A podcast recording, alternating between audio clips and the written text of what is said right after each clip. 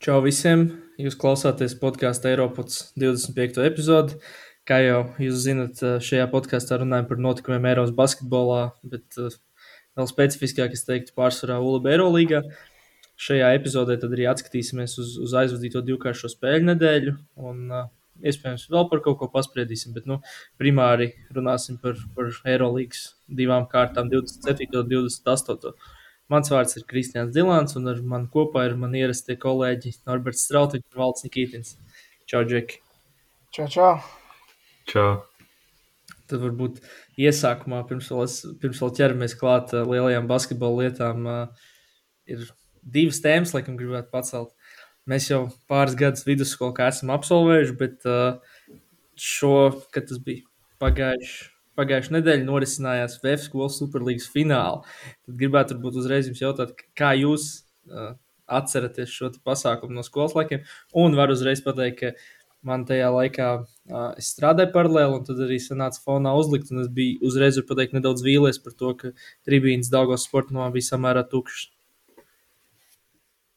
Nu, man ir godīgi, es, es atceros pat vairāk nedaudz. Uh, es nezinu, tagad gāju kaut kādā. Uh, kas tā bija 6. un 7. klase aptuveni.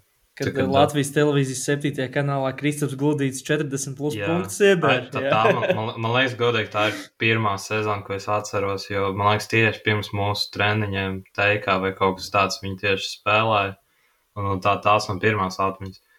Un, un, nu jā, es nezinu, tā, tā, kad, tā, kad es spēlēju laikam pēdējos divus gadus, bet tad jau It īpaši pēdējā gadā tur viņi jau nedaudz visu bija sabojājuši, tāpēc nebija vairs tas īsti. Bet, bet to, to, kas tur bija, es nezinu, es nezinu kas vajag 2013, 14, nu kaut kad tādu. Tad man, man ļoti patika. Tīpaši ka, nu, jā, ka bērni tomēr. Bija vēl uh, YouTube, bija tas tā saucamais web skolas superlīgas apskats, kur bija Gunts Vēfiņš segments. Guntis Vēfiņš. Es arī Superlīgu atceros ar labām, pozitīvām emocijām. Spēlēju, kādreiz gāju skolā, kur nebija gandrīz neviena basketbols. Tad es jau no kādas piektās klases dabūju uzspēlēt Superlīgā pret 12. klases džekiem.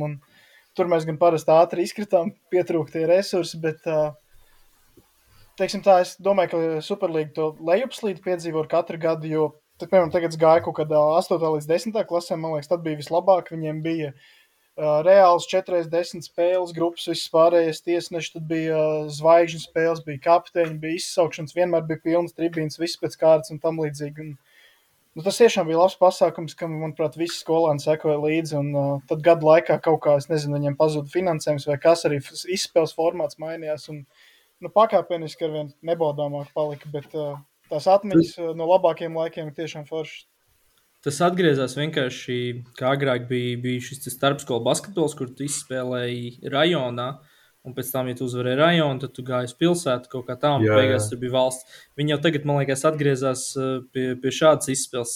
Ne? Nu, vairāk, nu, tas, es, es neesmu drošs, sanāk... ka tieši tagad notiek, bet es atceros, tā, kad, tā, kad vēl mums bija Es atceros, ka es gāju 11. klasē, tur man liekas, viss man liekas, bija ok. Jā. Nē, 11. vēl bija ģip normāli, tā kā jā. vajadzētu būt, tur bija visas tas divīzijas, tad tur tālāk tur tie plēfi pamazam visi pārējais, bet tad jau 12. klasē es atceros, ka bija pirmo reizi, ka mums bija, man liekas, man, es, es atceros, bija visas, piemēram, mums centra skolas atceros sabrauc, cenāties Natālijas draudziņas vidusskolā, un tur, tur, tur laikam divas tika ārā tikai vai kaut kas tāds.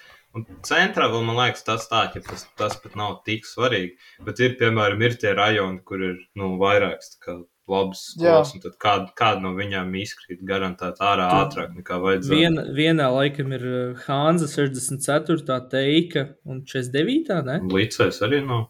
Ah, nu, okay. Bet, nu, tā kā ja kādreiz bija reāli grupas un uh, objektīvi stiprākie tika ārā un tikās, tad, piemēram, tur Final Four, tad uh, Tagad, tagad kaut kādos gados bija, ka divi kontenderi, tie, kas divreiz astoņi īsā spēlē ar kaut kādu vienu rajonu tiesnesi, nu, izslēgšanas spēlē. Tas ir interesants fakts. Es esmu tajā grupu turnīrā. Tā ir pirmā un pēdējā man pieredze, kad es tiesāju spēli. Kaut kur. Ah, tu esi tiesājis Superlīgu? tā bija tur, nē, tas vienkārši random. Es atceros tieši starp mūsu spēlēm un bez maz viedos vilpu, teica, es vilpu. Iedomā, tā ir viedīgā pieredze. Iedomājieties, ja Eirolandā būtu tā kā šī tā, ka viņi, piemēram, izdala nevis grupas vai regulāro sezonu, bet viņi uztaisīja klasiko divreiz astoņu maču, piemēram, tu tiesā un zaudētājiem sezonu beidz. tas būs, tas būs tas, kā interesanti. Superlīga manā pēdējā gadā strādāja. Es vēl atceros, kādreiz, kad viņiem bija tas, eh, kas bija interesanti lieta, ka no komandas, kas ir izkritusi no sacensībām, tu varēji draftēt vienu spēlētāju. Ah, pareizi bija tāda Ah, lieta. jā, teiktu, šit, tas- šitas tā aizvērs. Tas baigo odziņu piešķirt. Tu Es taču tagad- arī tu biji beigās draftētais pats.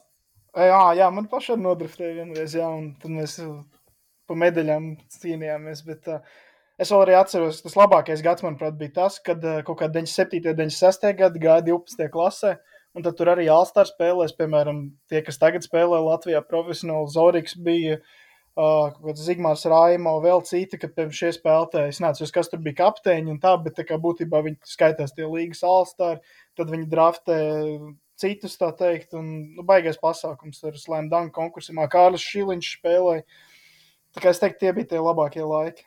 Es Nezinu, kā atceros, man liekas, ka kaut kad arī sanāca. Mēs braucām, liekas, ka es ar to zvaigžņu spēli, cik es atceros vienu gadu. Un tos fināls arī es atceros to, man liekas, tas vienreiz vai divreiz bijis klāt, un tur arī to, ko Kristians pirms tam jau vēl teica, tur bija krietni vairāk cilvēku. Es atceros, bija, man liekas, bija DSN bija principā pārpildīts uz Tur bija fināliem. lūpai, jā, tur arī uz balkoniem, visur tur nebija, nebija kur atrast, kur apsēsties. Arī cilvēku uz kāpnēm sēdēja un paturpinot arī par, par šito. Es, eh, nu, es nevaru teikt, ka es. eh, es Nē, nu, sanāk tā, ka es, es īsti nesakoju līdz vidusskolēnu aktivitātēm, vairs par, par cik tas vairs nav aktuāli. Bet sanāk tā, ka man, man čoms komentēja šo pasākumu. Viņš bija ielicis uh, storiju, ka, ka notiek šis pasākums, un ka YouTube ir. Un tad es arī uzliku fonā vienkārši tīri interesi pēc paskatīties. Un tad man bija ļoti liels. Uh, ļoti liels un patīkams pārsteigums, ka mana bijusi skola Rīgas valsts otrā gimnāzija spēlēja puikas lielajā finālā un arī uzvarēja. Kā, Vēl diezgan pārliecinoši uzvarēt bez variantiem. un arī, arī šitam bija, bija interesanti, ka, ka bija arī uh, zināms spēlētāji tur šajā mačā piedalījās. Protams, viņi vēl ir patāli arī no Latvijas basketbola līnijas, bet vismaz LBL divu līmenī jauniešu izlasēs spēlē. un Bija arī pāris uh, interesanti kadri, es laikam Kristērs Krīnta gribētu izcelt. Tas bija, Tas, tas ļoti- bija ļoti diezgan interesants. garš, interesants. Jā. Arī divi Norberta kolēģi no Latvijas Universitātes sistēmas uzvarētāja komandā tomēr bija. Nu, mēs strādājam, jā. Viss notiek. Bet, uh, jā, Skrīna īstenībā tiešām ļoti, ļoti talantīgs, ļoti labs izskaties. Okay, protams, nu, tas, tas nav, nav, gluži, nav gluži tāds organizēts basketbols kā, kā jaunatnes līgā un, un vai jebkādās citās sacensībās ir, ir bijis tāds uh, freestyliņš un rokenrols, bet uh, tiešām, nu, pat ar, ar neapbruņotu acu, teiksim, talants bija redzams. Vai, kur- es es Super. pilnīgi nopietni saku, kā, Nē, nē, vienkārši vārds ir rokenrols ļoti patika. tas Man patīk, ka mēs tā kā nākotnes talantu skautingu taisam Vēstures skolu superlīgā. Un, nu, ka spriežam apmēram tā nopietni, ka ot, šitie varētu uz draftu iet. Vēl, ko- nu, tā izklausās no tā. Nē, es, es pilnīgi nopietni. Viņš, ja es pareizi atceros, tad viņš bija 2006. gads, sanāk, viņš bija, viņš bija pagājušos ar U16 izlasē, un viņš ir virs diviem metriem, viņš uh, driblē, viņš met, viņš sa- nu, viņš ļoti kustīgs, viņ, es teiktu, tāds, uh, nu, Kevinam Durantam līdzīgs, varbūt ne tik- Labi, ne tas. Kevin, Kevin Durant, ja godīgi, viņš ir, par ko mēs varam uzslavēt Kevin Durant, viņa karjerā, ka viņš ir sasniedzis to, ka ir, principā, ir viņa, viņa spēlētāja prototyps, ko atzīmē. Ja tu esi tā kā Garš ļoti, tievs, ļoti, ļoti garš tievs un māki māk mēs, tad tu esi principā Kevins Durants. Jo es atceros, Brendons Ingrams arī bija pilnībā, ka viņš nāca iekšā, piemēram, NBA, teica to pašu. Bija vēl kaut kāda piemēra, kas man tagad izkrituši no galvas, bet tā kā, tas man liekas arī, arī savā karjerā jāsasniedz, lai tavā vārdā principā būtu kā vispār visi spēlētāji veids, tā teikt. Jā, Nu, tu, to pašu Kristapu jau arī pielīdzināja ne tikai tur Šonam Bredlijam un Dirkam, bet teica, ka viņš arī ir kaut cik līdzīgs Kevinam Durantam, un tas arī ir iespējams īstenībā tas, uh, kā Kristaps tagad tiek pielīdzināts. Tagad uh, tie jaunie tiek pielīdzināti Kristapam, atceramies Dragons Benders, Laurija Markenens. Ok, viņi, nu, Benders līdzīgāks, Markenens varbūt netik ļoti, bet tāpat viņi tika pielīdzināti Kristapam. Lai gan es teiktu, ka Benderam taču tur nekas nesnāca, bet uh, Markenens kaut cik tās cerības attaisnoja. viņš Alstārs starteris pat šogad bija. Tas pats Viktors tiek uh, ar Goberu un, uh, un Kristapu salīdzināts. Nu, no Gobera gan tur kaut kāda viena, divas īpašības. Gabēru, principā, man liekas, viss, kas viņam saka, ar Be- Gabēru, viss, kas saka, ir savā būtībā ir augums un tautība. Tas arī ar to arī man liekas beidzās līdzības. Tas ir savā būtībā, nu, pozīcija laukumā tehniski. Čet, čets arī bija Kristapam pielīdzināts. Nu, tas, ir, jā, tas, ir, tas ir vēl citādāk. Tā kā, tas ir, tā kā ir Kevina Duranta prototyps, tad Krista prototyps ir vēl garāks, tāpat tievs un parasti balts. Tas ir tā kā Kristap. Tad ir vēl, man liekas, ja tu esi saspičs, kas ļoti daudz pēc dribla metā trojkas, tad būtībā tu esi Stefs. Un tā, piemēram, Trējam Jāngam bija, kad viņš ienāca līgā, un tur nu, vēl vairāk ir. Bet tā, man liekas, pēc vairāk ir Stefa ietekme. Jo tā kā.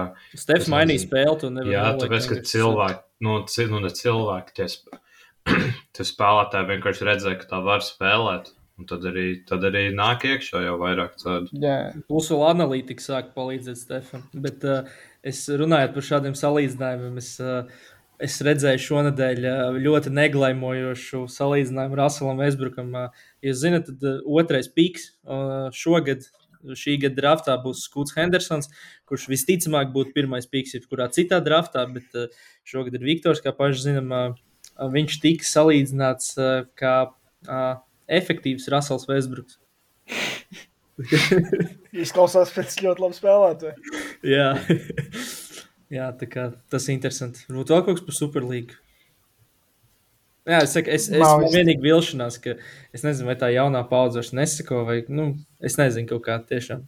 Es nezinu, bet tā kā es tiešām atceros, tā kā agrāk jaunībā tā teikt, tur bija, es nezinu, bija, bija diezgan liels hypes, bet turpat bija kaut kādas, nezinu, Man liekas, Norbert, tieši kad jūs, ja nemaldos, par teiku spēlēt, kaut kādu video tiku filmēt, kur trešs to ko viens otrs. Jā, tur kas Lauris Zalants un vēl kaut kas tāds tā kā cepienu lika taisīt, ka tev vajag trešs to kaut pretinieks pirms spēles, viņi tevi, tad to publicē un tad jūs ejat laukumā. Jo es jau godīgi, labi, ok, es tagad īsti es, es, es arī nesakošu vidusskolas sportam līdzi. bet, tā, bet tu tagad es aizēju līdz manim, tā kā, ja tu man, Kristā, piemēram, nebūtu pateicis tajā dienā, ka tas fināls, es, es nezinātu, nu, tā kā, nu, man, man vispār aizpildēs garā. Ja es nebūtu redzējis to storiju, un kas vēl interesanti, pēc tam arī uh, papētīju viņu Facebook lapu, lai saprastu, vispār, kas notiek šajā skolas sportā. Un, uh, ja atceramies, bija, man liekas, gan Kristaps Janičēnoks, gan, gan Armāns Čēlis, gan tur vēl kaut kādi citi, citi tā laika basketbolisti. Viņi daudz bija Natālijas draugiņas, uh, es nezinu, kas tā bija to laiku gimnāzija, vidusskola absolventi. Tad uh, mūsu laikā bija tā, ka pārsvarā dominēja 49. vidusskola basketbolā. Tad, uh, tagad, cik es apskatījos, uzvarētāji, tagad Superlīga arī tiek noskaidrota tik pa ir, ir vidusskola atsevišķi, un tad ik pa divām klasēm. Tur 8, 9, 6, 7, 4, 5, laikam. Un 4. klases laikam jau sākās. Un tur, ja nemaldos, trīs, visās trīs vecuma grupās puišiem uzvarēja Natālijas draugiņas. Es nezinu, kas tā ir gimnāzija vai vidusskola. Vidusskola. vidusskola.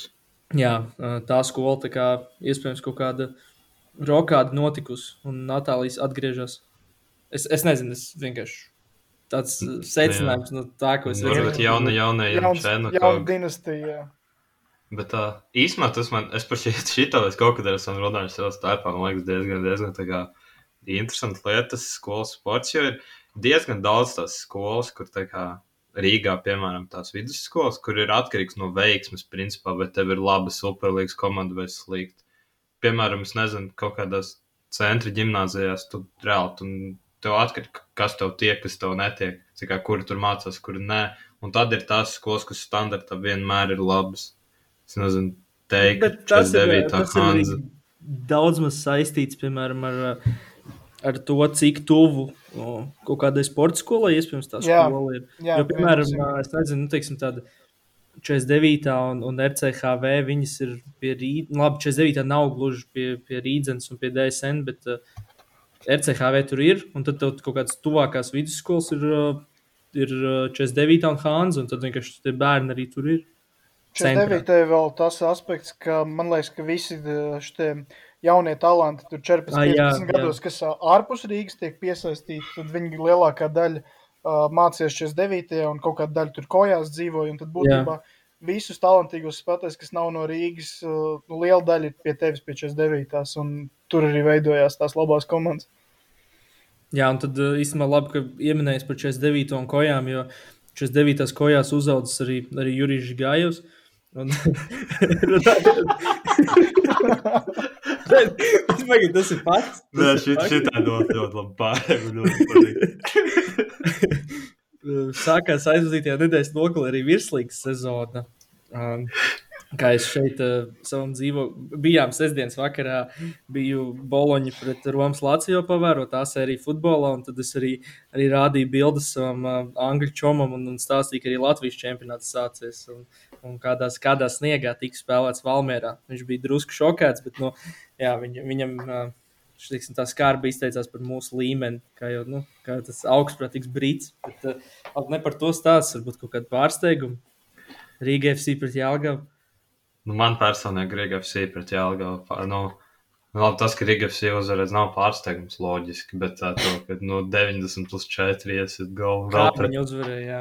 Jā, pret, uh, pret Jālgavu, kur, kur, kur vēl komandās vec, vecākam spēlētājiem bez mazliet 20 gadi ir. Es, es pieņemu, ka Riga FC jebkuram spēlētājam alga ir lielāka nekā Jālgavas budžets vispār kopumā.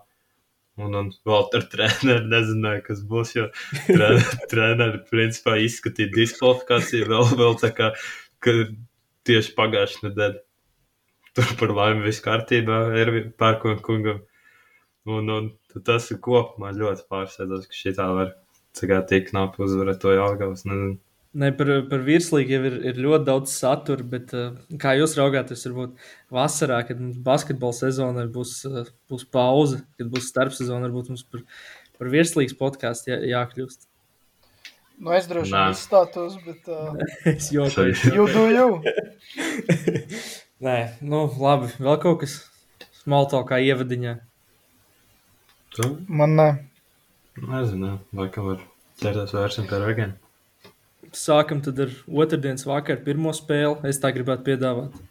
Uh, Jā. top 3 komandu duels. Ja nemaldos, arī tā sanāk, arī bija pirms šī mača. Uh, Pīrēja Olimpijākas pret Barcelonu. Tur, Jā. ja es pareizi atceros, bija divi diametrāli pretēji puslaiki. Nu, nu, tur otrajā ceturdaļā pavērsiens. Jā, jā. jā. Mm. Barcelona, kā ik pa laikam viņi dara, viņi spēlē to perfekto basketbolu, kur tev liekas, ja viņi varētu noturēt 40 minūtes, tad viņi būtu vienkārši 34-0 sezonā Eirolandā aizvadīt. Tādu viņi izspēlēja pirmo ceturdaļu, viss bija vienkārši perfekti. Un tad kārtējo reizi pienāca tas mirklis, kad viņi aizmirst, kā spēlēt. Otrajā ceļā septiņi punkti un puslaikā jau niķi. Nu, plus mīnus. Es, es zinu, ka mēs līdz šim vēl tiksim, bet uh, burtiski gandrīz tieši tāds pats scenārijs bija arī otrajā spēlē pret Fenerbahču. Jā, arī. Tur bija bet, jau bet, plus tur, 17 tur viņi... izlaid. ah, jā, bet tur, tur, man liekas, tur viņi pat tā jau nebija tā, ka viņi ātrāk jau. Man liekas, pirmā ceturdaļa jau nebeidzās, tur tik Nē, rezultāts jau. Nu, pirmā sēdes pēdējā minūtē vēl bija plus 17, bet uh, ah, gan okay, jau tik, okay. tik, tiksim līdz tam vēl. Nē, nē, tiksim vienkārši tā, ka jā, tas ir tas reāls rokraksts. Bet nu, šitajā, šitajā spēlē, cik es, es pirmajā ceturdaļā tiešām, tā kā es skatījos, un arī es nezinu, Olimpijākas tiešām principā labākā komanda Eirolandā šobrīd. Es, es skatījos, un tur nu, man ne, neizskatās, ka viņam kaut kāda vispār varianti būtu. Gan nekāda ne aizsardzībā, ne uzbrukumā vispār.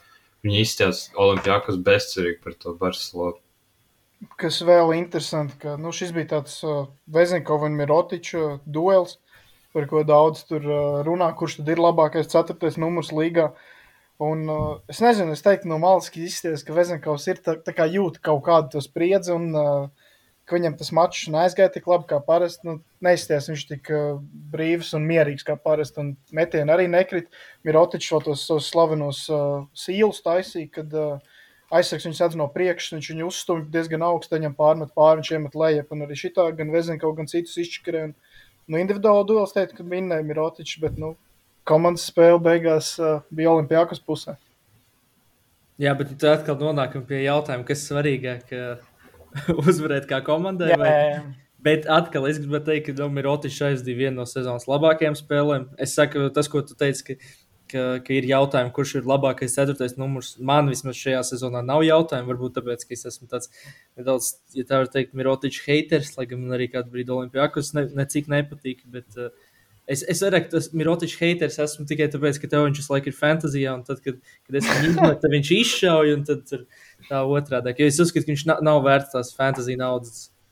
Es teiktu, šo sezonu viņš ir lētāks nekā parasti. Es Tāpēc, ka viņam ar, viņu dzīvoja, bet, uh, viņam, viņam ar, to, ar to sniegumu visu laiku krīt nost, uh, krīt vērtības. Nu, viņam bija tas, ka viņš ilgi bija traumēts, un pa Jā, jā. laiku viņam nokrita vērtība, un tagad viņš ir relatīvi lētāks.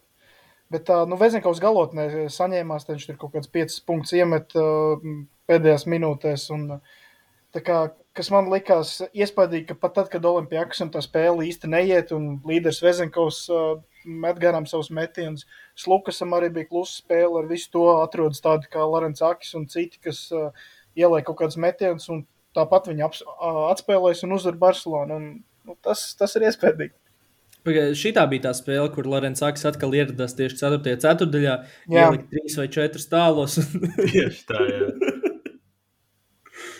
es, nezinu, kā, es nezinu, kā šo izskaidrot. Ne, es nezinu, kā, kā, kā to var iemācīties. Viņam regulāri ierodas tikai uz, uz 4. ceturto. Ir krietni, ir krietni vairāk spēlētāji, kuri var spēlēt pirmās 3 ceturtas un ne, nevar nospēlēt 4. Viņš ir kaut kādā veidā izveidojis pilniem, pilnībā otrādi tam, kā standartā parasti būtu jābūt. Jo, nu, es nezinu, ja viņš var no 4. ceturtas spēlēt, kā es nezinu, kā bezmazā MVP līmeņa Džeksons. Es nezinu, kas viņam traucē pirmās 3. Maš viņam nav nu, viņš interesanti, arī... ja nav interesanti, varbūt viņam, ja nav spriedzes kaut kādas. Varbūt, nu viņš arī tur mazāk, varbūt bija viņa laukumā. Pirmā puslaikā, man liekas, Bordzovs zina, kurā mirklī viņu jālaiž. Un, nu, Lēnē Zakim arī viņam patīk tas moments, var redzēt, un, ka viņš nu, kaifo no katras tās epizodes, ko viņš labi nospēlē 4. ceturdaļā. Kaut kā tas viņam iegājies. Es gan domāju, vai kaut kādā playoff sērijā izšķirošā tur būs piemēram kaut kāda 4. un 5. spēle, 4. fināla 4. ceturdaļa līdzīgs rezultāts, vai tad arī viņš spēs uh, saglabāt šo līmeni un aizvedīs, tur, piemēram, FS uz fuj, uh, Olimpijākus uz uh, pusfinālu, finālu, vai tiešām tas tā turpināsies. Nu, Tas īstenībā tā, ir- tas, tas varētu būt diezgan interesanti. Es domāju, ka kā jau Slukas- zinām, regulārā sezona ir regulārā sezona. Jā, Un, un par Olimpijākas vēl, vēl nu jā, Slukas tieši ir, ā, ja nemaldos, izkrits ārā tagad uz pāris nedēļām laikam. Č- Tā vismaz es kaut ko redzēju relatīvi nesen, ka viņš. Vai tas bija nākamais spēle pret Bayern vai, vai kad? Man liekas, ka jā, pret Bayern. Vai tad liekas, viņš jau nespēlēja? man- labi, ok, es, es nezināšu. Es, es vienkārši, vienkārši pagājušajā nedēļā atceros, redzēju ziņas, ka šīs, kas tagad ārā ir nedaudz atkal. nu, tad Man liekas, varētu- viņš tikko arī tieši bija atnācis atpakaļ, ja es nemaldos. Jā, jā, viņš bija izlaidis vairākas spēles. Nu. Tad atkal Lorence Akim jāiekāp nākamajā līmenī. Bet, Kādu ā, varam sakim, Mi Mihalim Lundzim vai Ā, nu, viņš arī. Viņu uzvaru. Viņa, viņa, viņš, viņš tā kā, kad viņam iedod iespēju, tad viņš var samest visu. jā, arī bet, bez skara. ā, vēl viena spēle, kas bija vienlaicīgi tajā vakarā, bija Žalgiris Alba, par ko mēs vienojāmies, ka tas ir 50-50 mačs, bet ā, ļoti svarīgi Žalgirim. Un, ā, Man prieks, ka viņi tiešām atkal ieslēdz to savu kapeņu, kaut kādu, nezinu, varbūt uzvarētāju mentalitāti, ka viņi tās līdzīgas spēles mēdz ar aizsardzību nolaust. Un, nu, arī šeit ļoti maz rezultātu, varbūt uh, NBA kaut kādiem vai uzbrukuma basketbola cienītājiem uh, nepārāk patiktu, bet uh, nu, pilnīgi kapiņu spēle un pēdējās, uh, pēdējā minūtē man ļoti patika Žalgiris, tā kā tiešām ļoti, ļoti laba aizsardzībā pie tā neizšķirt vai plus viens. Vai, nu, tā, kad bija tas man nelēs pārsvars, ka viņi tiešām no aizsardzības arī salauz to spēli. Tailors iemet uh, svarīgus metienus. Un liels, liels prieks, ka Žalgiris uzvarēja. Es vēl beigās, es nemaldos pēdējā izspēlē, tieši Šmits nodrošināja uzvaru. Ja man tagad Jā. atmiņa nebija šitas bija Tur arī interesanti, jo viņiem bija sānauts un plus viens uh, Žalgirim un kaut kāds 3-4 sekundes. Un Šmitam iedod bumbu un uh, nu, viņš met lejap. Viņš iemet lejap un palika tur 1,8 un plus 3 Žalgirim. Un, uh, nu es nezinu, piemēram, ja Alba iemestu no centra uz Nīču, uh, nu es, es nezinu, kā vai Šmitam vajadzēja to lejap mest vai nē. Beidzās viss labi, bet, uh, nu, piemēram, Nu, es teiktu, ka viņš var es vienkārši. drošībai, drošībai tomēr, tomēr jā. Un es nezinu, varēja, varēja, tehniski jau tu vari par sodu arī domāt tajā brīdī, ja tev plus trīs ir un tik maz laika palicis.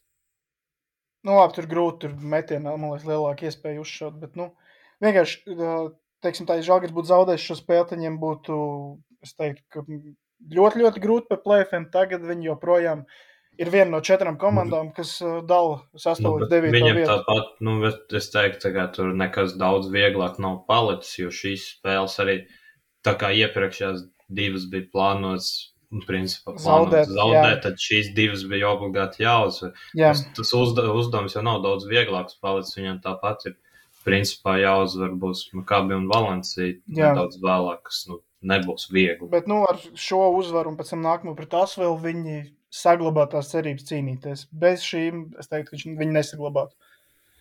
Un, Nu, tagad jāņem vērā arī, ka es neredzēju update, bet laikam aizēja Taylors atkal ir izkritis. Jā, Tā viņam kaut, kaut viņš veselīgi. atsveicināja to hamstringu savainojumu uh, Lietuvas klasikā, kur viņi zaudēja viņas rītas. Um, es nezinu, iespējams, Rolim tas pat ir, ir nedaudz labāk, jo bija pāris epizodes, es tieši pret Albu to galotu skatījos. Viņš, viņš ir samainās pret, uh, pret uh, man liekas, neatceros, pret, pret ko tas bija.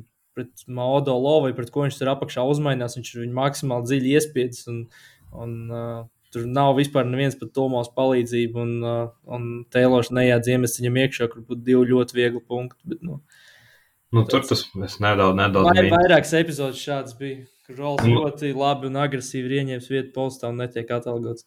Nu, man liekas, pašam rolim arī ir kaut kādā ziņā vēl, vēl, vēl aklimatizēšanās, vēl, vēl tā kā neskaita to, ka viņam lielāka loma to, ka, nu, aizēja Taylors nav Niks Kalatas, būsim godīgi. Jā, tas pat patiesībā acīs nav, tas nav Zai Taylors nav pat Keenans Evans. arī tas. Un, un tad ir nu, diezgan grūti, jo nu, es nedomāju, ka ne Taylors, ne Lakāvičs nu, nav, manuprāt, paši pasaulē labākie piespēlētāji. Nemaz nerunājot par, es nezinu, Igiju Brazdēļu, kur Nē, ok, bet uh, Taylors ir labākais mazais šobrīd. Jā, Nē, labākais mazais, jā, bet nu, tajā jebkurā Tā citā nav super augsta latiņa. Jā, jebkurā citā komandā viņš es, ap top 3 varētu būt. Tie paši Alba, es teiktu, viņš varētu būt principā trešais, ceturtais labākais mazais spēlētājs. Man jums jautājums uzreiz par Žalgiru. Uh, tas stulbs un no sērijas, uh, kā būtu, ja būtu, bet uh, vesels Keenans Evans visu sezonu. Es saku, ka tie ir stabili playoff. Nu, es Nu. nu, negribu teikt, ka stabili, bet es domāju, ka ir kaut kādas spēles, ko viņi iespējams būtu labāk. Nu, es domāju, to, to kur bija pret Panathinaikos, tā trakā, kur viņi puslaiku 40 zaudējumu. Tur, es domāju, ar Evans tā, tā iespējams nebūtu. Visticamāk. Man, īstenībā, man nav godīgi galvā tik daudz Nu, tādu. tā Es varbūt kaut domāju, arī, arī tie pērieni Spānijā nebūtu tādi bijuši Revans. Nu, jā, bet Jā. to, nu, es domāju, ka tā kā tur būtu zaudējis, bet nu, viņi izcītos krietni cerīgāk. Partizans mājās. Jā, nu es teiktu, ka varētu būt par kādām nu, divām uzvarām vairāk, un nu, tā jau būtu tāda laba pozīcija, droša pozīcija. Nu, es katrā ziņā raudzītos krietni vien pozitīvāk uz uh, atlikušo sezonas daļu. Jā, jā. Ja, godīgi, es, man grūti nocēt. Es saku, es, es, būt, es reāli šobrīd uh, vairāk ticu Milānai. Nu, ot, par šo jau mēs parunājām, ka mums ir tāda tā kā diskusija, ka, kas finišēs labākā vietā - Milāna vai Žalgiris. Un, Pagaidām, mēs pat sadarējām. Nu, mēs pat sadarējām, jā, jā, jā. jā. un ā, nu, nezinu, es neredzu, es teikšu godīgi, es neredzu veids, kā Milāna var apdzīt Žalgiri, jo viņi trīs spēles ir uzvarējuši pa trīs spēlēm mazāk. Nav pa divām tagad. Mm, Milānai vēl spēle rezervē ar arī Ā, nu. Nu, tad divu puslaikam sanāk, ja viņi mazāk ir izspēlējuši. Bet, uh, nu, vai varam apstīties? À, nu, viņiem, ir, viņiem ir spēle rezervē un pa trīs uzvarām mazāk. Nu, tā kā teorijā, jā. Nu. Nu, okay, pieņemot, ka viņi uzvar nākamo, tad pa divām. Nu, diva pus, piemēram. Bet nākas ar viņiem bija tā pārceltā Feners. Jā, Nezinu, bet, nu, vieso- viņiem, ir, Feners. viņiem ir ļoti, ļoti smags grafiks. Man liekas, ka visas tur top komandas gandrīz vai pretī daudz, kas bija izbraukumā, ja nemaldos. Un, savstarpējā uh, mačos arī Žalgiris abas divas vinnēja. Pagaid, Es, man, ir, man ir jautājums. es esmu drošs, ka es vinnēšu šīs darības. Pagaidiet, nu, rekur, Fenerbahčs, Monako, Valencija, Makabi, Bayerns. Kas šeit no, varbūt neskaitot Bayern, ir, ir viegla spēle? Ko Žalgiris vinnēja? Bet Žalgiris mājās ir labi. Nu, vienkārši kādu no Okay, es, es godīgi, ok, trīs mājas spēles, Monako, Valencija, Makabi. Nu, vienu Es- vai es divas neredzu. vinnēsim. Valencija var būt, bet es nezinu, Monā, es nezinu. Nē, no šīm trīs, man liekas, es jums tieši, tieši kad jūs diskutējat par tām derībām. Es domāju, ka viņi vienu no tām trīs uzvarēs. Es nevaru pateikt, kuru, bet man liekas, Jā. ka vienu kaut kādu. Nu, visreālāk, pateikt, ko vis, visreālāk izskatās, uh, godīgi teikšu, laikam, šobrīd Valencija. Tāpēc, ka tas ir uh, Double Game Week otrā spēle, un viņiem abas ir mājās Double Game Week. Nā, nu tas labi, jo tā Valencija jāceļo. Bet uh, nu, es gribu atgādināt, ka Žalgirim mājās ir desmit uzvaras un trīs zaudējumi. Nu, tur nu, matemātika saka, ka viņi divas no trīs spēlēm gan jau ka vinnēs. Un, uh, Nu, nezinu, es, es ka tas- neuz, tur- viņi, tur- nu, viņi neuzvaras divas no trīs. To, to gan es varu diezgan, diezgan droši apgalvot. Ok, pagaidiet, es tūlīt, es tūlīt bišķi, tā kā, uh, tur ar uh, Makabī būs gan jau vēl tā izšķirošā. es teiktu, ir ka viņi drīzāk varētu Makabi uzvarēt, jo Makabi ir, Makabi ir tīrākā mājas komanda. Viņi tā kā un viesos. tas būs ļoti, ļoti īsti. svarīgs mačs pa playoff to vietu. Viņi vēl, ah, Žalgirim tieši, man liekas, bija sezonas pirmā spēle, ko viņi zaudēja. Pa Maccabi. vienu, jā. Principā, jā, tas, tas, kas to uzvar, tas būs augstāk, bet es kaut kā, man, es nezinu, man lielāka ticība, ka ir. tu domā, ka Žalgis vai Milāna finišēs augstāk? Es jau godīgi domāju, ka Milāna, jo Milāna vienkārši tagad izstās labāk nekā viņi ir izskatījušies šogad, jebkurā brīdī, es nāk sešas uzvaras pēc kārtas, un Žalgiris, ok, viņi uzvarēs tās divas, bet, nu, tas, tā kā, nu, uzvaras pret Albu un Asfaltu ļoti daudz nemaina man viedokli par komandas spējām. Tā kā, ja viņi uzvarētu kaut ko, es nezinu, kaut vai kādu, kas ir ap tiem tiešiem konkurentiem, kaut kur tajā, tā teikt, tajā vidu, viduszonā, kaut ko, kaut ko no tā viņi uzvarētu, tad var būt. Bet šitās, šitās divas, es nezinu, neko Nē, nu, daudz.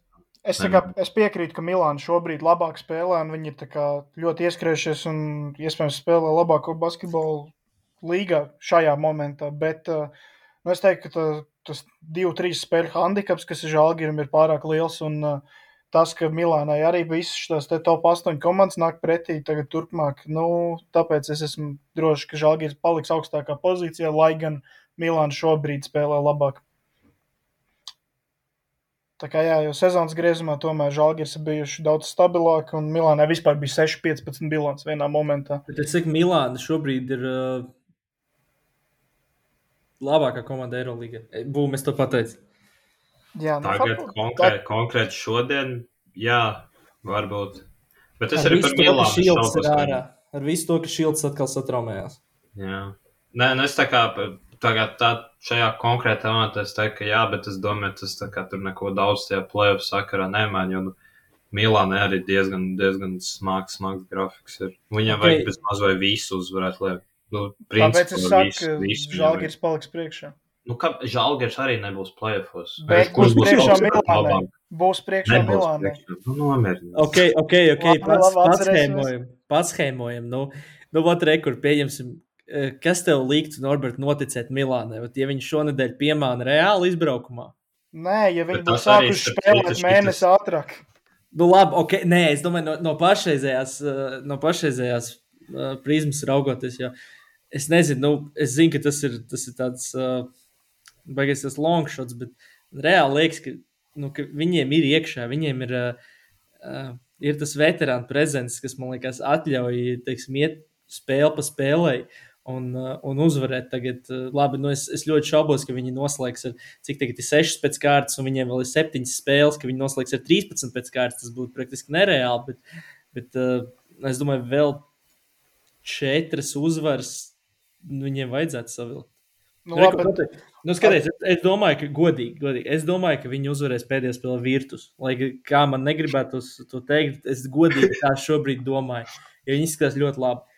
Um, Barcelona mājās tā ir uh, uzreiz tas ir pavisam cits, uh, tas ir spēlējums. Uh, Makabī viesos, uh, nu, tas ir grūti vienmēr tur ir spēlēt. Efes viesos. Uh, Efes šogad, uh, man vairs nebiedē vismaz. Bajens mājās tā ir obligāti jāuzvar. Fenerbakšķi pārcelt arī. Nu, tas nav tā. izbraukumā. Nu, izbraukumā, jā, bet nu, es, es neteiktu, ka tas ir kaut kas. uh, Protams, izbraukuma spēles tas ir protams, sarežģītāk, bet nu, es neteiktu, ka tur nav nekāda varianta. Nu, Es tīri par to, ka, ja Milāna uzvar, piemēram, 4 no 7 spēlēm, ja, piemēram, Žalgirim pietiek, ka viena uzvara un viņa priekšā. Ja Milāna uzvar uzvarēs, 4, Žalgiris uzvar vienu no atlikušajiem, Žalgiris ir priekšā. Milāna uzvarēs 6 no 7. Tad viņiem ir variants. Es vienkārši neticu, ka viņi var vinnēt uh, sešas, ja viņiem ir izbraukumā Reāls, Feners, Efes, Makabi, mājās Barcelona. Nu, es neticu, ka viņi sešas no septiņām var Viņam vinnēt. īstenībā Milāna ir vēl tā, viņiem pret to, pret reāli tieši viņam ir diezgan labs handicaps, jo reālam ir double game week šodien, bet viņiem ar FS Tāpēc tur, uh, À, tas ir labs, jā. tur viņiem ir bonus, tur Milāna ir bonusiņš, jo reāli vēl abas divas spēles nāk viesos spēlēt šonadēļ. Un, un tad es domāju, ka tas tā kā to, to vēl Tas var palīdzēt, baigs stulbi, baigs stulbi šobrīd tā runāt, bet uh, arī tas, ko es minēju par to veterānu prezenci, uh, kas it kā saka, ka viņi var iet no spēles uz spēli un uzvarēt katru spēli atsevišķi, tad kas viņiem to traucē darīt sezonas griezumā? Nu, Labi, viņiem nebija spēlētājs. Īsumā, ja mēs par Milānu tagad sākām runāt, es domāju, ka Šabas Snipers ir milzīgs arguments, kāpēc kaut kas notiek. ā, Bet Piemēram, arī ar- Pangots ir pamodies. arī viņš ir nu, pamodies gan No no zi- traumas, gan basketbola ziņā. Viņam bija ziemas miegs, kā lācis, Kanādas lācis. Jā, jā, viņš jau rudenī bija bijis iemidzis. Bet, Hibernējās. nu, vot, un, ā, kas viņam šis Bilijs Bērons arī tad ir iekšā, tad ārā, un tagad viņi būtībā ir gandrīz pilnībā veseli, un ā, šitie Bērons Neipies, viņi var ā, iemest tos tālmetienus, piemēram, šotluk pēdējās sekundēs, Neipies vispār pēc dribla var visu pēc kārtas izveidot, un tas ir bija tas, kas viņam pietrūka, jo aizsardzība viņam visu laiku bija, ja ne labākā līgā, tad viena no. Un problēma bija tas, ka uzbrukuma pēdējās sekundēs viņiem vienkārši nav uh, kaut kāda individuāla meistarīgā spēlētāja, kas var uzņemties un iemest visus šos metienus. Tagad viņiem ir, tagad arī uzbrukums strādā, un tāpēc viņi sāk uzvarēt visus pēc kārtas. Bet Plus, zini, kas vēl ir Beirons. Beirons ir, man liekas, beigais tāds emociju spēlētājs. Ja viņš to vienu vien trako trīni ieliek, viņš ieliks vēl trīs. Nu, Tas, apmēram. tas, ir, tas ir diezgan interesants spēlētājs, tips, man liekas. Bet tie ir labi, bez šitādiem nebūtu interesanti. Sergio Juļs ir godīgi tas pats. Tieši tas pats, jā. Viņš pirmo trojku aizmet garām. Tu viņu vari principā sēdēt līdz spēles beigām malā, jo nekas labs no viņa nebūs vairs redzams. Tas ir arī tas, ko Oļegs Latvijas teica. Tu pirmo kolu izlaiž, tad pēc tam visu spēli viņi domā, ka tā var sist pārkāpums. Tur apakšā kaut kāds netīras taisīt. Jā. Galvenais labi iesaka. Tad pēc tam, pēc tam bija viss sakos. Uzreiz tad ieplūguši pie, pie Bostonas Celtics skauta un, un Lietuvas izlases uh, galvenā trenera asistenta Bena Matkeviča bija podkāstā. Tikko Oļegs Latvijas iesaka noklausīties The Benas podkāstu. Tas bija ļoti interesants ar Oļegu. Tā kā Okay. Jā, es piekrītu, tas bija, tas bija diezgan labs. Būs jāčako. Es kaut kad, ā, kam, man liekas, vai nu Valdim Valteram, vai kaut kam bija intervija ar Latviju, un sen kaut kad klausījos, bet arī bija ļoti interesanti. Oļegs atstāja labu iespēju, un klausīšos tad vēl, ja jūs sakat, ka ir labs materiāls. Nē, nē, Oļeg, Oļegs tiešām ļoti, ļoti labs džeks. Oļegs darītājs. Es, es par šītas, es arī biju arī īstenībā, ja, ja, kā, ja kādu ļoti tiesnešu jautājums ieinteresēs, tad uh, Aerolīgas The Crossover podkāstā pirms trīs, divām, trīs nedēļām bija uh, Luigi Lamonika. Bet Lamonika jau, tā teikt, tas vilpi vadzīja kārs. tā kā Tas... Jā, viņš arī par to atteica. Tur īstenībā bija, es nezinu, vai jūs klausījāties to, bet uh, viņš, viņš teica, ka viņš principā izdomāja beigt tiesāt, ja nemaldos. Tas bija vienā no pagājušās sezonas spēlēm, kur spēlēja Barcelona ar Efes. Viņš iedeva Lārkinam piekto piezīmi, ko viņš kā tur, es, ne, es, es neatceros spēli, bet, bet to, ka viņš ļoti izšķirošā brīdī iedeva Lārkinam piekto piezīmi, kur viņš bija pilnībā pārliecināts, ka tur bija piezīme. Pēc tam viņš pēc spēles saprata, ka tās bija muļķības. Viņš principā izdomāja, ka jābeidz savu būtību. Tur- Tāda doma bija. Interesanti. Man liekas, es tagad nezinu, es pareizi atceros, bija, varbūt tā bija tā spēle, kur Mirotičam arī iedeva 5, un tad bez Lārkina Mirotiča spēlēja pagarinājumu. Es kaut ko tādu Es atceros, atceros, ka es atceros vienu kaut kādu spēli, kur bija ļoti liels cepiens par tiesnešiem. Bez Bet es- līderiem es- spēlēja. Jā, galvas. jā, bet es neesmu drošs, vai tā tā pati, bet tas saka, to, to, to, to tieši viņš pieminēja. Bet tiesnešiem jā, es nezinu, par tie- tiesnešiem viss tā kā labi, labas lietas nekad principā netiek teikts. Par, par, par, tā kā otrādi, kā par, piemēram, mirušiem ir labi vai neko, tad par tiesnešiem ir slikti vai neko. Nu, gan tu izdomāji. Nu, nē, nu, nu, nu, tas, tas nav salīdzināms, tas tā kā pretēji burtiski. Jā, jā, jā. Jo nu, es ne, nav, nav nekad tā, ka nosties spēles ķīpa. Un pirmā lieta, kas tev ienāk prātā, to, ka, nu, Oļegs fantastiski notiesāja. Nekad, nekad īsti neesmu to domājis. Man ir, ir viens uh, šīs te arodu pārstāvis, par kuru es laikam neko sliktu neesmu dzirdējis, bet mēs arī viņu īstenībā, man liekas, nevaram atcerēties, jo varbūt tajā laikā mēs bijām pārāk maz, kad viņš aktīvi tiesāja, bet tas ir Pierluigi Kolina. Uh, jūs zināt, viņa jau tāds, uh, Viņš jau citā sportā nedaudz. ne, nu, es saku, šī arodu pārstāvis. Ah, ok. Uh, tāds uh, skūtu galva, itāļu futbola tiesnesis. Citu, citu, viņam no- skūta bija vai nebija vienkārši? Ne, skūta galva, viņš tas, pēc, kā man liekas, viņam bija iesaukt fantomas. uh, Viņš tāds, Nē, man izsaka, ka viņam vienkārši nav ķip. nu, kas Man- domā, viņam kaut kāda alopēcija, vai kas, bet uh, Es nezinu, labi, tas ir citu, svarīgi. Boloņas universitātes absolvents mācās tieši to pašu programmu, kur es, un, uh, un arī, man liekas, bija no Boloņas. Varbūt es arī nākotnē tiesāšu. Principā tas, tas ir minimums, ko es no tevis vismaz sagaidu, ka tu tiesās. Nē, nē, labi, šī, šī tāda neliela atkāpība, bet vienkārši par, par to kungu tiešām es esmu neko sliktu neesmu dzirdējis. un Es esmu kaut gan lasījis, gan kaut kāds video skatījies, ka viņš tiešām tika no, no visiem respektēts un ka viņš bija tiešām tāds, nu, tāds tiesneša etalons. Viņš Jā. tagad arī, ja nemaldos, ir uh, UFA par tiesnešiem kaut kāds atbildīgais un to visu uzraugt. Tā Kā, nu, tas tādai nelielai atkāpītai. Bet, bet Oļegs, starp citu, man liekas, arī vismaz Latvijas basketbola līgā, cik es saprotu, diezgan ciena. Kāda ir bijusi Norča pieredze, ka viņš, kaut gan viņš sen nav tiesājis par basketbolu, es tā rakstīju Twitterī, es turbūt nepievērs uzmanību tik ļoti.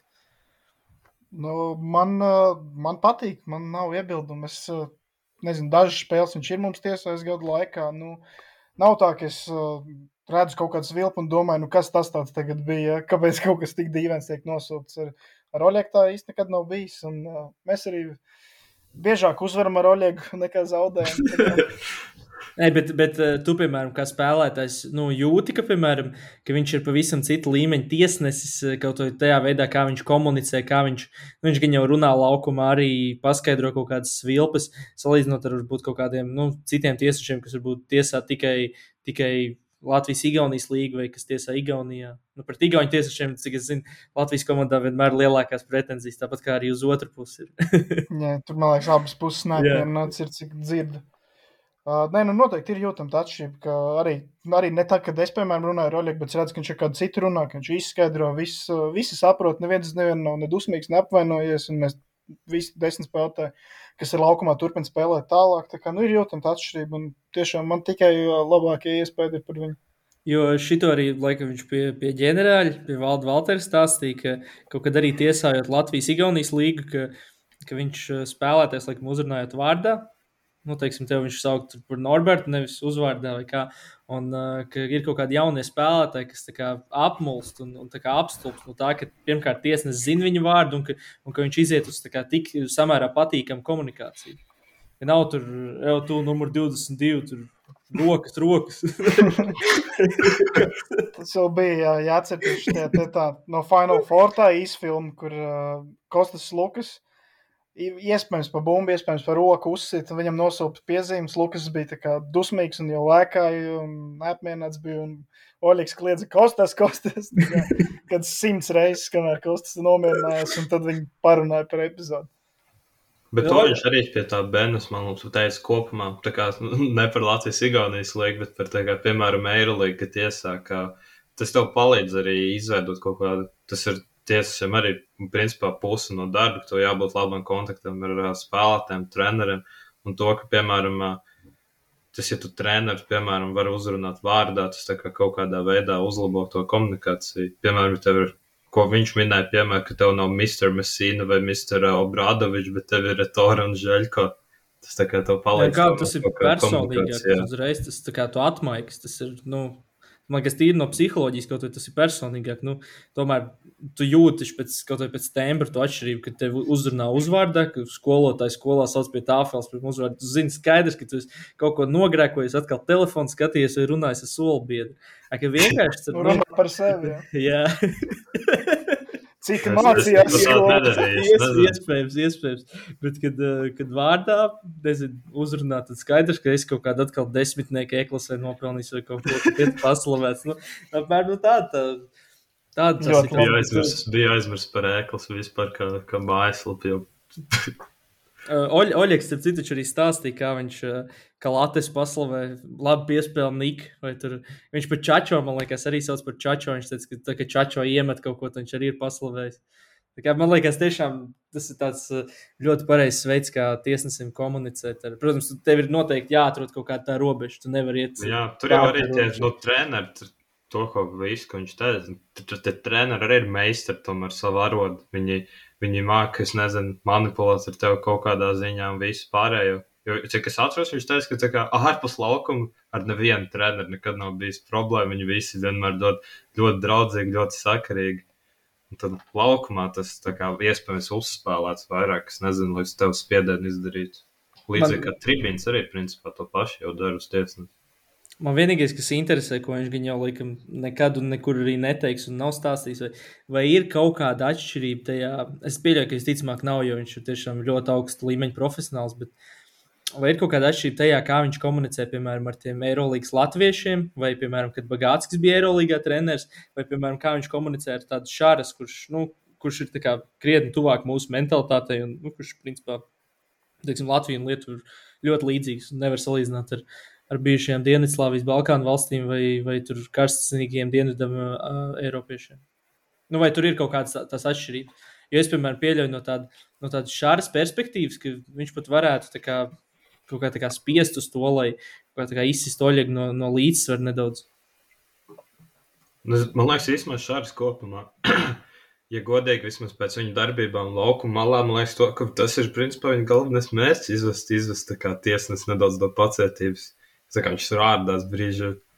Man, man šis tā, tāds iespējas radies. Bet tā, nu, es, es šaubos, ja godīgi, ka tur baigā atšķirība ir. Ar latviešiem tikai tas, ka varbūt pirms vai pēc mača tur runā, nu, runā tā kā nedaudz čomiskāk. ja tomēr- gadā. Latviski. Vienkārši. Nu, jā, nē, bet es uz angliski. lauka, es uz laukuma, es īstenībā nezinu, vai runāt latviešu vai angliski. Tas īstenībā. Nu, piemēram, pagājušajā gadā, es domāju, Barcelonā es tagad modelēju situāciju. Bija tā, ka, um, ka Latvijas uzmet gaisiņu, un tad Oļegs saka, wow, wow what a pass, Nick, un tad labs danks roll.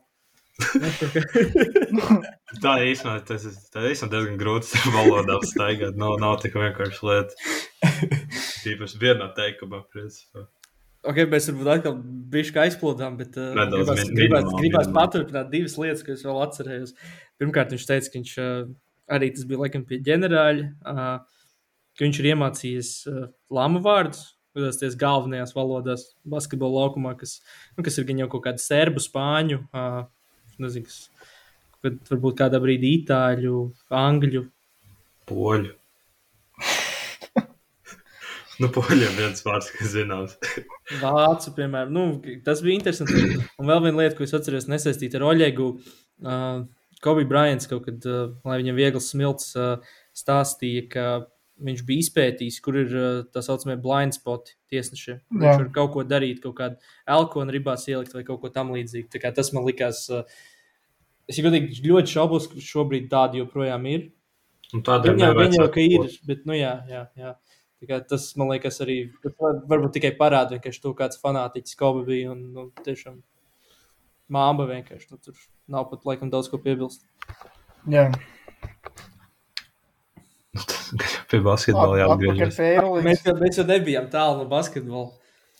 Mēs pie Oļega un tiesnešiem. Jā.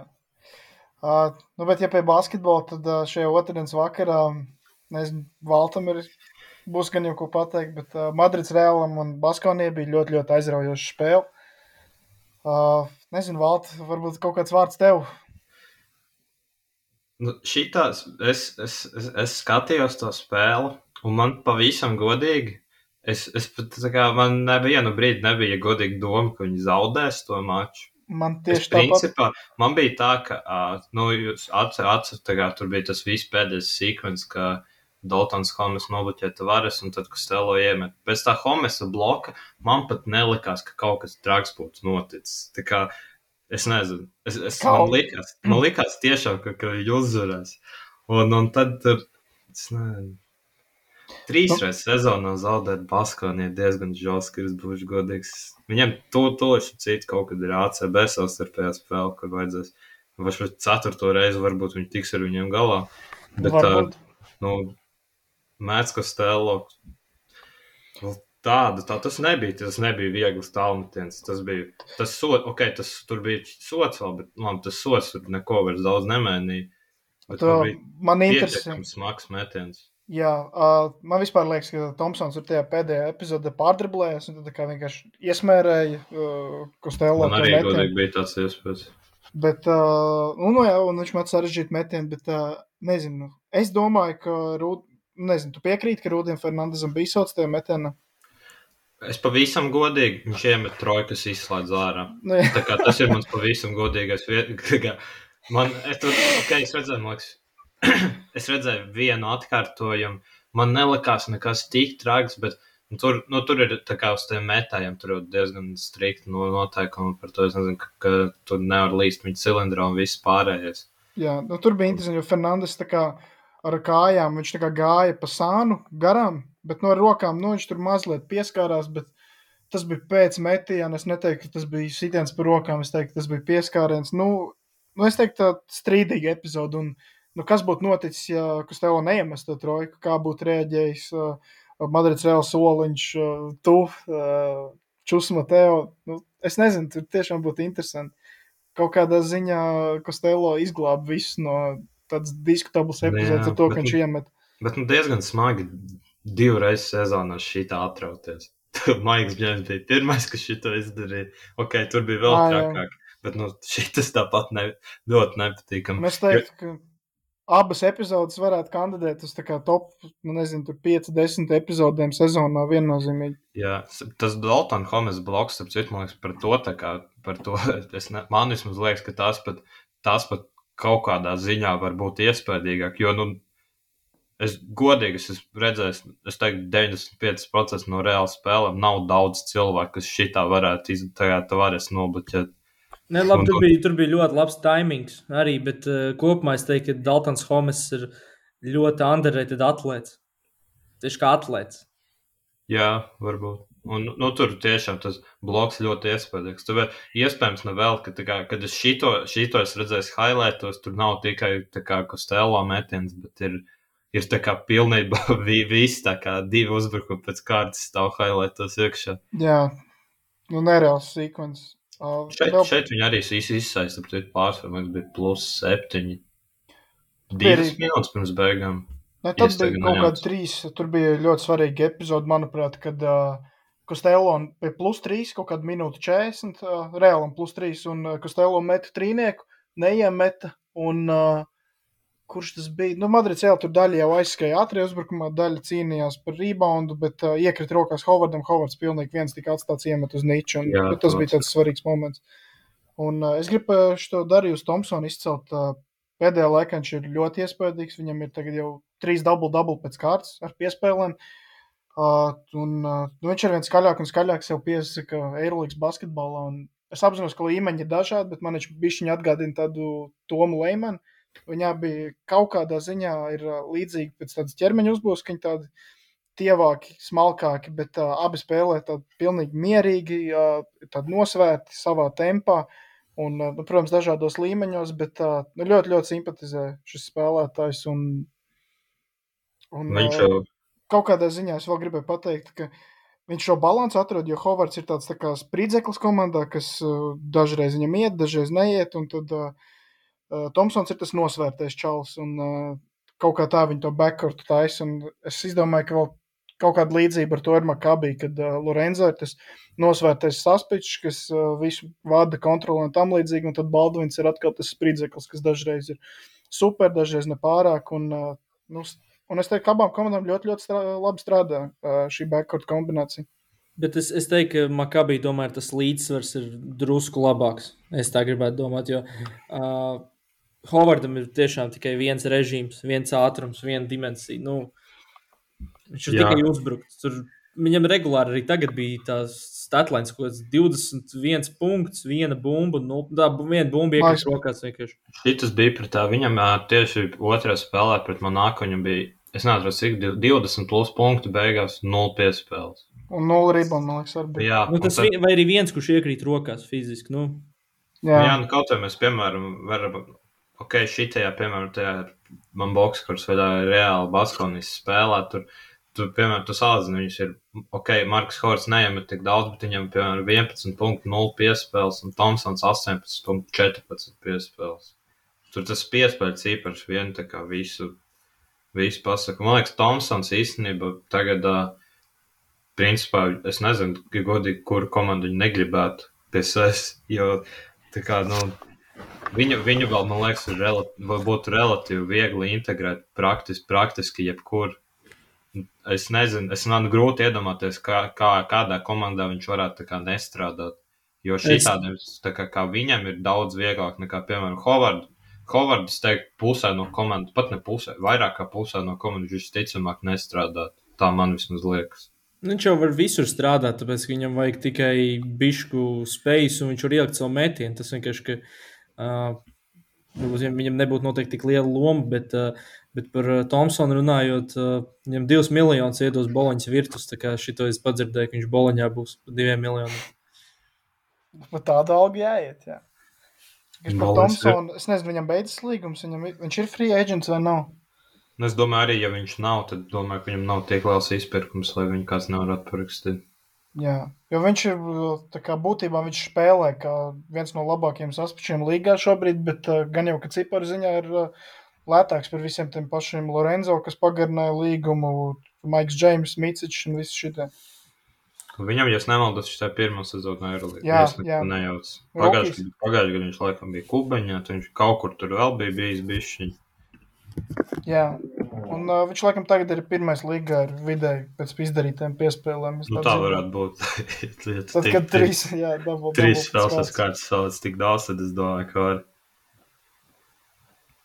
Bet tā.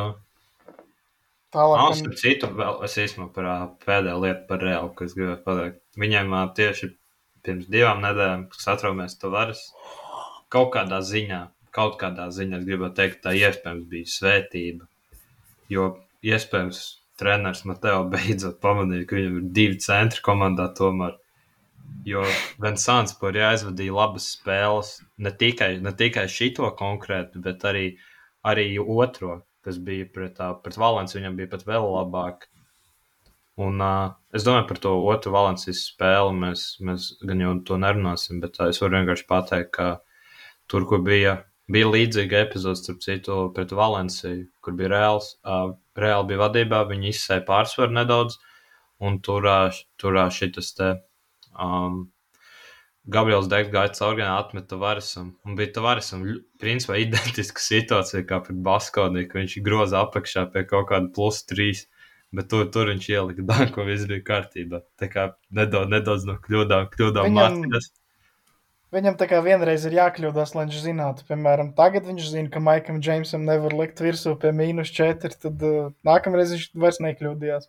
Tagad zina, ka jādanko. tā kā Vajag vienu reizi pārbaudīt drošībai, vai, nu, lai tiešām būtu pārliecināts, kas un kā jādara. Jā, tad gan jau pie, pie trešdienas spēlēm. Jā, Nu, viena konkrēta. Vēzra jā. Anadolu Efes. Nu,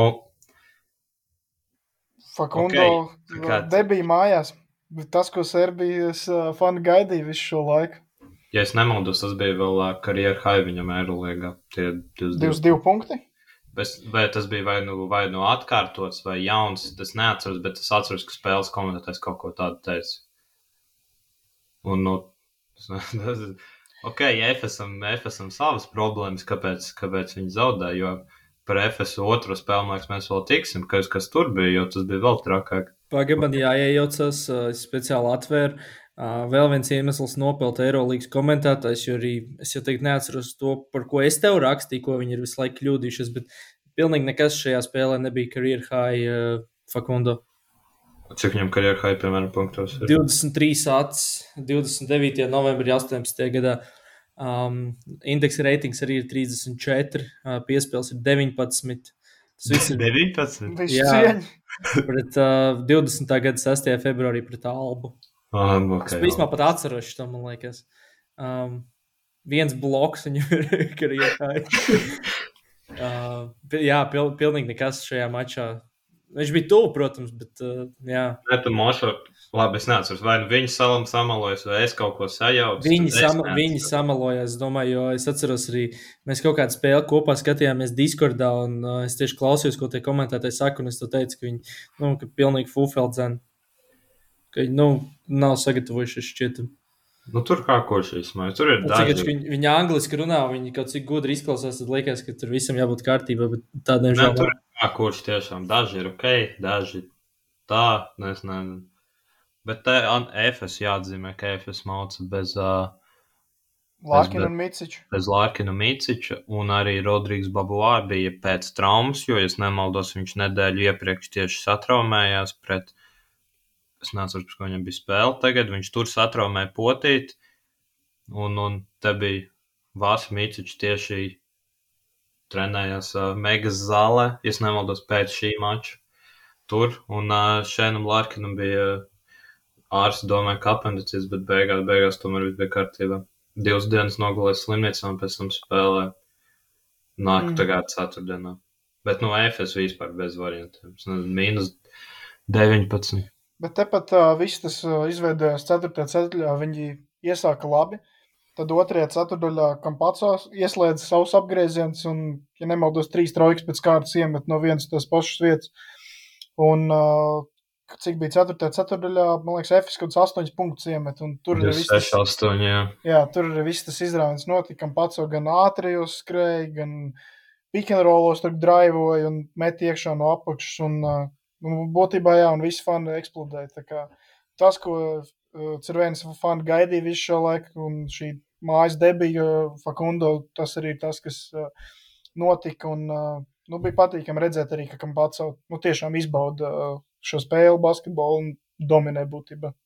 Jā, tikai šī tas viss, visies, nu, pat neiespējams. Es gribētu teikt, jau viss pa vēlu. Vilsens aizbrauc. Otro spēli viņi arī zaudēja. Otro spēli viņi pamanīja vēl zaudēt. Bet, nu, tur FSM īstenībā tā situācija, tur nav vairs tik rožēna, iespējams, kā varētu gribēties FS faniem. Nu, tad viņi tāpat nav tālu no tiem plēfiem, bet tagad viņi ir divas uz, nu, principā pusotru uzvarēs plēfiem tagad? Nē. Nu, viņiem spēle rezervēm pa divām uzvarām mazāk nekā Žalgims. Ne, pusotru nu, spēli. Pusotru, jā. Un, un, bet viņiem vēl joprojām tas bonus, ka viņiem bija relatīvi viegls grafiks. Kur gan, nu, tagad skatoties, viņiem tagad šonadēļ arī divas spēles, viņiem ir Reāli un Partizāni abas mājās, gan tādu. Nu, ar Partizanu ļoti, ļoti svarīgi, jo Partizans arī ir viena no tām komandām, ko FS mēģina noķert tabulā. Jā, Partizan būs, būs diezgan smagi. Pēc tam viņiem ir Alba, kas arī ir jāuzvar obligāti. Un, un pēdējās četras noslēdzošās spēles viņiem būs uh, Milāna, kas būs ļoti smaga.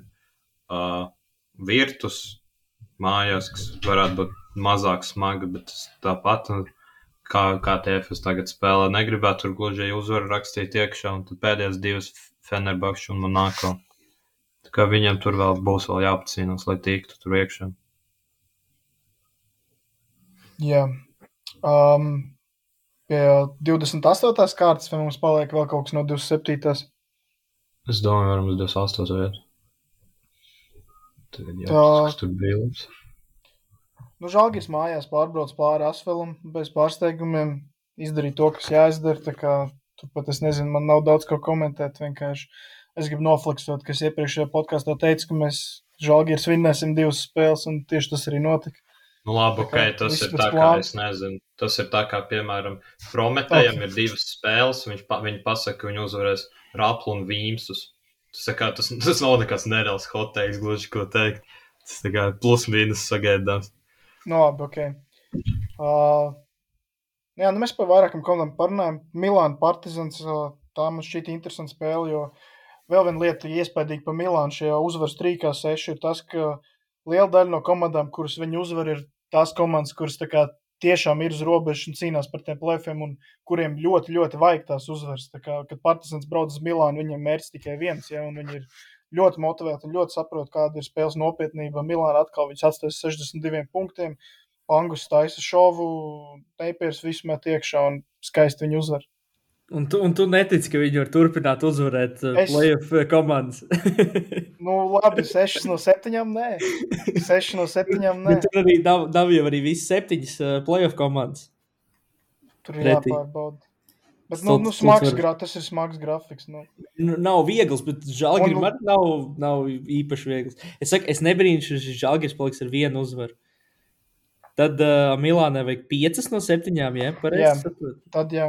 Es godīgi saku, Milāna var paņemt 5 no 7. Man liekas, ka es, es domāju, ka šis derības beigās uzvarēs. Es arī domāju, ka Žalgirim būs divas kā minimums uzvaras. Un es ceru uz trīs vai četrām, lai viņi var pastotnieku cīnīties. Trīs Nu, vai četras. Kur tu viņu vari trīs vai četras dabūt? Es, to īsti neredzu. Mājās, Godīgi. mājās ir vienkārši jāvinē viss pēc Nē, nu, uz, uz papīra, protams, jo visas spēles sākās no 0-0. Ja vien kaut kas nav mainījies pēdējās es jau dienās. runāju, viņiem Bajens izbraukumā jāpaņem un divas mājas spēles, piemēram. Bet uh, Bajens ir pati, pati pēdējā spēle. Tur jau var gadīties tā, ka tev pilnīgi viss ir skaidrs. Un, uh, Jā, tas gan, tas gan, jā. Nu, tur visi, nu, viņiem ir vēl divas spēles, visi, tur viss iešķiras. Man kā bija Valencija tiešie konkurenti. Pret Valenciju viņam vēl neliels bonus, ka viņi pirmo spēli uzvarēja. Makabī gan viņam ir pil... Mm. ok, labi, viņam pilnībā obligāti jāuzvar. Jā. Nu, Nu, redzēsim, redzēsim. Nav, nav, tur situācija diezgan, diezgan, manuprāt, diezgan čābīga. Žalgarim ir būs godīgs. Labi, astotniekā ir uh, grūti tikt, ja man būtu jāsaka, tiks vai netiks. Es domāju, drīzāk, ka netiks, bet es tāpat ļoti cerēšu. Bet to, ka viņi Milānai priekšā būs par to, gan es diezgan drošs esmu. Nu, tur tiešām ļoti, īstenībā, šī sezona fantastiski. Tā, tā tajā cīņā tieši. Tur tās trīs vietas, tur, cik tu tur viņas nav mainījušās. Vienu brīdi es atceros, likās, ka Žalgiris būs stabili, kuri tagad ir devīti. Tad par Valenciju arī likās, ka viņa, viņa var būt vai zvezda, kas tagad tur bija jā. sezonas gaitā tāds nenormāls izmaiņas. Un FS arī mums vienu un to pašu jautājumu visas sezonas laikā tur, vai viņi tiks plēfos vai nē. Nu, tas pats Partizans likās, ka būs ārā. Partizans sezonas sākumā, jā, viņi bija ļoti bēdīgi, bet, nu, Bet uh, viņiem, starp citu, arī uh, viņi bija ieskrējušies, jā, viņiem bija tas ļoti labais periods, bet tagad viņiem arī ir uh, smags grafiks, un uh, viņiem arī nebūs viegli palikt astotniekā. Kā es tur esmu pētījis, šīs lietas skatījies, un uh, īstenībā man viņiem ļoti ir- interesanti. Partizānam, ja godīgi, ir, viņiem sanāk, ir pret visām top komandām, principā jāspēlē. Viņiem ir labi, ka FS tagad nav F, tas tā kā tā, tad viņiem ir Olimpijākos, viņiem, ir, viņiem arī ir double game weeks, viņiem ir uh, Barcelona Reals. Reāls. Tas ir ok, bet abas mājās, kas ir ļoti labs bonus. Viņi mājās jebko var vinēt. Taču. Nu, jā, Jā. tāpēc es domāju, es Barcelona vai Reāls domāju, vienu viņu uzvarēs mājās. Nezinu, kur. Nu, cerams, ka pirmo, bet nu, nu, to, to, to es nezinu. Es domāju, ka vienu uzvarēs, un tad vēl beigās Monako, un tad nu, labi, pati pēdējā pret Panathinaikos. Bet tā kā pirms tam viņam sanāk, principā, viss vis, vis playoff, visas playoff komandas viņam pretī nāks. Plus vēl tieši šodien, 13. 13. martā, viņiem uh, Adrijas līgā ir uh, derbijs pret tā, nu, jūs jau zināt, pret ko partizānam derbijs. Eternal Derby, vai kā viņi viņu tur sauc. Tad jau atkal skatītāji, kaut, gan jau kaut kas notiks. Jābūt jaudai. Nu, tas ir Adrijas līgā. Es domāju, ka tā spēle, nu, pirmā puse, pirmā puslaika pārtraukuma nesagaidīs līdz pirmajai pauzai. Tā, tā man gribētos, nu, negribētos, es tā domāju. Labi, Es, es ar citu atvēru vaļā tabulu. Uh, un kas ir uh, vēl viena problēma Žalgirim? Uh, šobrīd ir četras komandas, sestā līdz devītā ar vienādu bilanci. Uh, Mm. Viņiem nav pilnīgi nekādu variantu dabūt uh, pat Head to head to, jā. otru labāko plus-mínus starp šīm. Uh, ok, head to head. Es, es nezinu, kāda ir situācija. Mēs skatāmies tikai šīs četras, bet tīri pēc plus-mínus viņiem nav pilnīgi nekādu variantu apsteigt kādu no trīs augstāk esošajām komandām. jā. Nu, viņiem arī nav. nedaudz jāiedziļinās. Es, es, es neesmu drošs, kā, ja, piemēram, tur četras komandas tur sākumā. Sākumā skatās jau tā kā head, head uzvars un tikai tad plus mīnus, vai es nezinu, godīgi, tās kāds. ar viņiem ir švakas. Viņiem pret Partizānu ir 0-2, man liekas. Pret Baskavanu ir 1-1, bet man liekas, plus mīnus ir Makabī, sliktāks. Makabī viņi zaudēja. Pa vienu. Tur vin- Butkevičs iemeta, bet par vēlu. Jā, Tas bija Bet, nu, sezonas sākumā. tagad mājās vinnēs vismaz pa divi, un Snak- to mēs ko- atrisinām. Pagaidām, kopējā bilants viņiem ir uh, 1-4 šobrīd pret šīm komandām. Jā, bet tur nu jau nu, labi, vēl, tur vēl ir iespējas. Tur, tāpat. Iespēja vēl, ka tur, nezinu, piemēram, EFAS iesaistās, pret kuriem viņiem arī ir negatīvi, pret kuriem viņiem arī ir negatīva bilants. Kas ir labs. Tā kā, nu jā, viņiem ir grūti būs tikt, ja viņiem būs vienāds uzvaru skaits, tāpēc viņiem ir jādabū vairāk, kas uh, apgrūtina tās viņa iespējas spēlēt uh, playoffs. Tad, principā, tu viņam vajag, es nezinu, nu, četras, astoņ, astoņ, no, 18, nu, viņiem, principā, nu, labi, gan jau 19 pat vajag, ja viņiem ir tik slikti, plus mīnus. Bet, nu, tad tur būs, būs interesanti galvā. Jā. Nu, es ceru, ka, teikt, ka pēdējā nedēļā būs uh, par to 7, 8 vietu, piemēram, kaut kādas 4, 5 komandas vēl cīnīsies, un ka tur tiešām pēdējā vakarā viss izšķirsies. Tas man kā līdzjūtējiem būtu aizraujoši. Tas, es pēdējais, ko es atceros, tas bija, man liekas, kas bija. Uh 8, ne, 20, 21 gada sezona. Tā bija tā, kur bija tur, tā bija tā, tā kur bija Himki vēl Tad bija nereāla cīņa. Tur bija, man liekas, ka tur vajadzēja principā bez mazliet 20 uzvaras līdz plēfos būt. Tā arī laikam bija. Tad tur Zenītam ar Pangos priekšgalā bija visas tur pēdējās kaut kādas trīs spēles jāvinē, lai tiktu, un viņi arī vinnēja un dabūja to astoto vietu toreiz.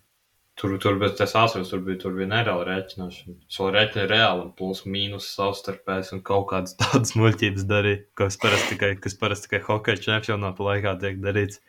Vai 2009. gada Eirobasketā? Jā, kā tu bez nu, tā? Bet tur tā arī, nu, bet cik vajadzēja, tad plus 8 vai plus 9? Tas ir 14 no 13, ar pusi gadu pagājuši, neviens vēl nezina, cik vajadzēja. Bet, uh, nu, es domāju, es vismaz gribu par uh, EFS Makabijas spēli parunāt, kas bija 28. kārtā. Jo tā man, ok, tur ir objektīvi iemesli, kāpēc viņa tā, tā kā bija tik smaga. Tur pēc 14 minūtēm, pat mazāk kā 14 minūtēm, tur viss bija skaidrs. Viņi bija ielaiduši, ja es tagad nejaucu. Man liekas, viņi bija jau. 14 jā, minūtes, 46 punkti bija. Jā, tas ir kosmos vienkārši. Kā tu, Kāds ar tā aizsardzību vēl nospēlēt? Ok, tur arī Makabī godīgi meta trojkas. Vienā brīdī viņam bija tuvu 80% pirmajā puslaikā.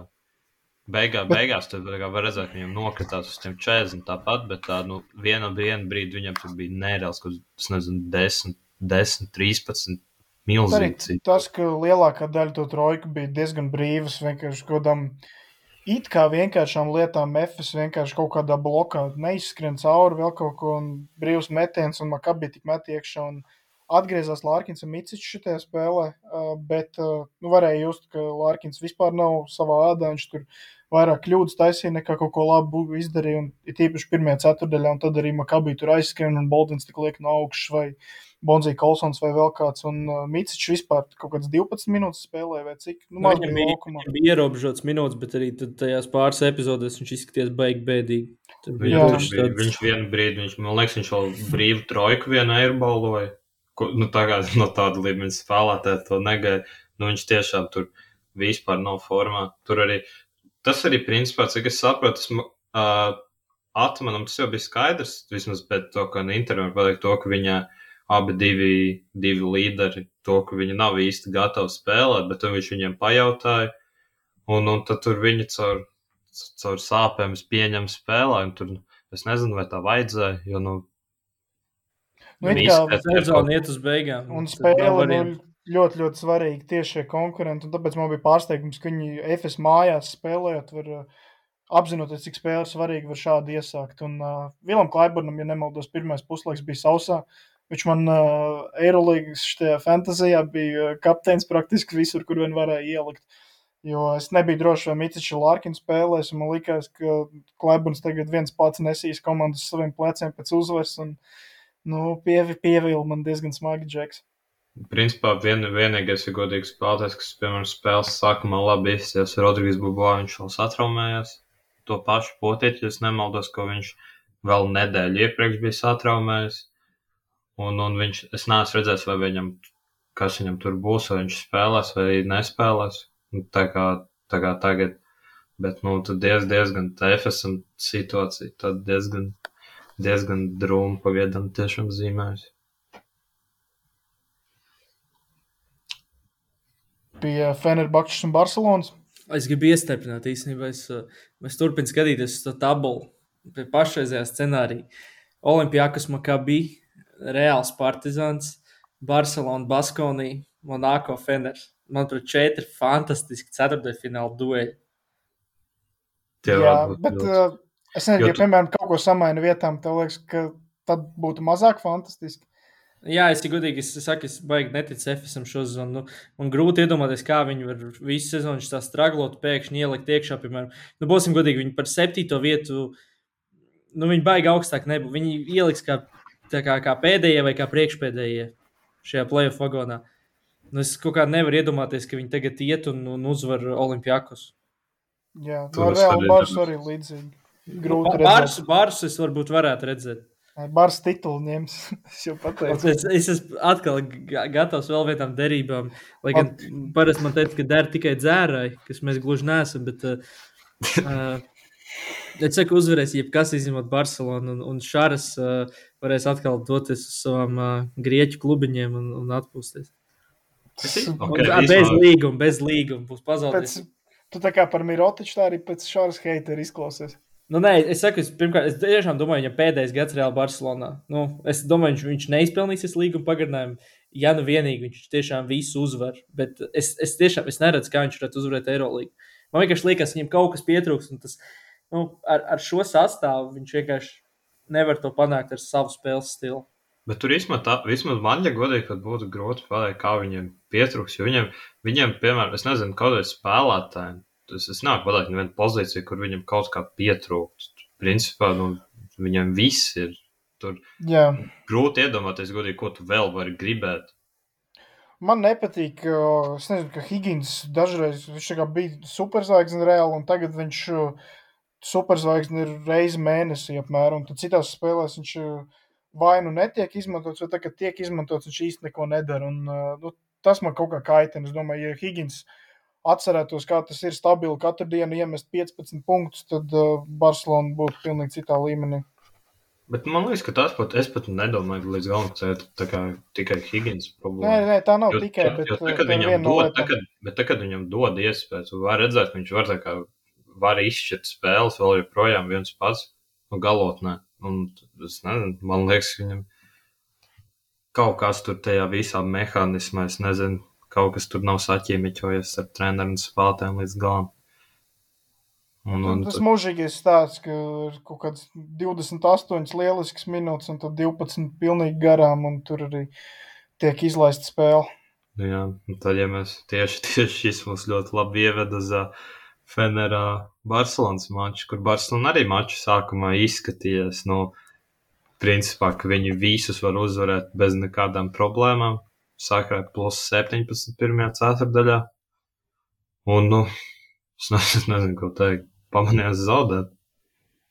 Būtībā klasika. Mēs jau esam laikam pieraduši pie šitā. Šitas, nu, tas viņam ir pārāk regulāri tā lieta. Ir.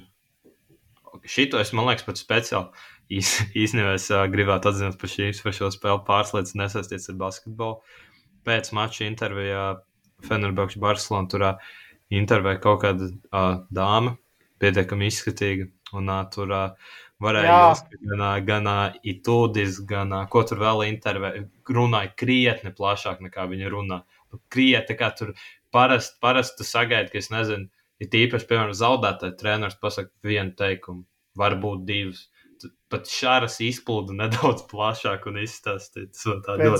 Arī man liekas, ka tas, kas bija jaunums, bija, ka Parasti jau rādīja tikai to spēlētāju vai treneru, ko intervēja. Tikai viņš bija tajā kameras redzeslokā. Yeah. Un tad šoreiz bija arī intervētāji. Un kaut kādā citā spēlē arī Džeks bija. Bet, jā, intervētāji bija pietiekami solīdi un varēja redzēt, ka arī gan treneri, gan spēlētāji tad mazliet samulsuši vai nokautrējušies. Ir, nu, ir kaut kāda atšķirība. Un arī, piemēram, Guduriču intervēja šī dāma.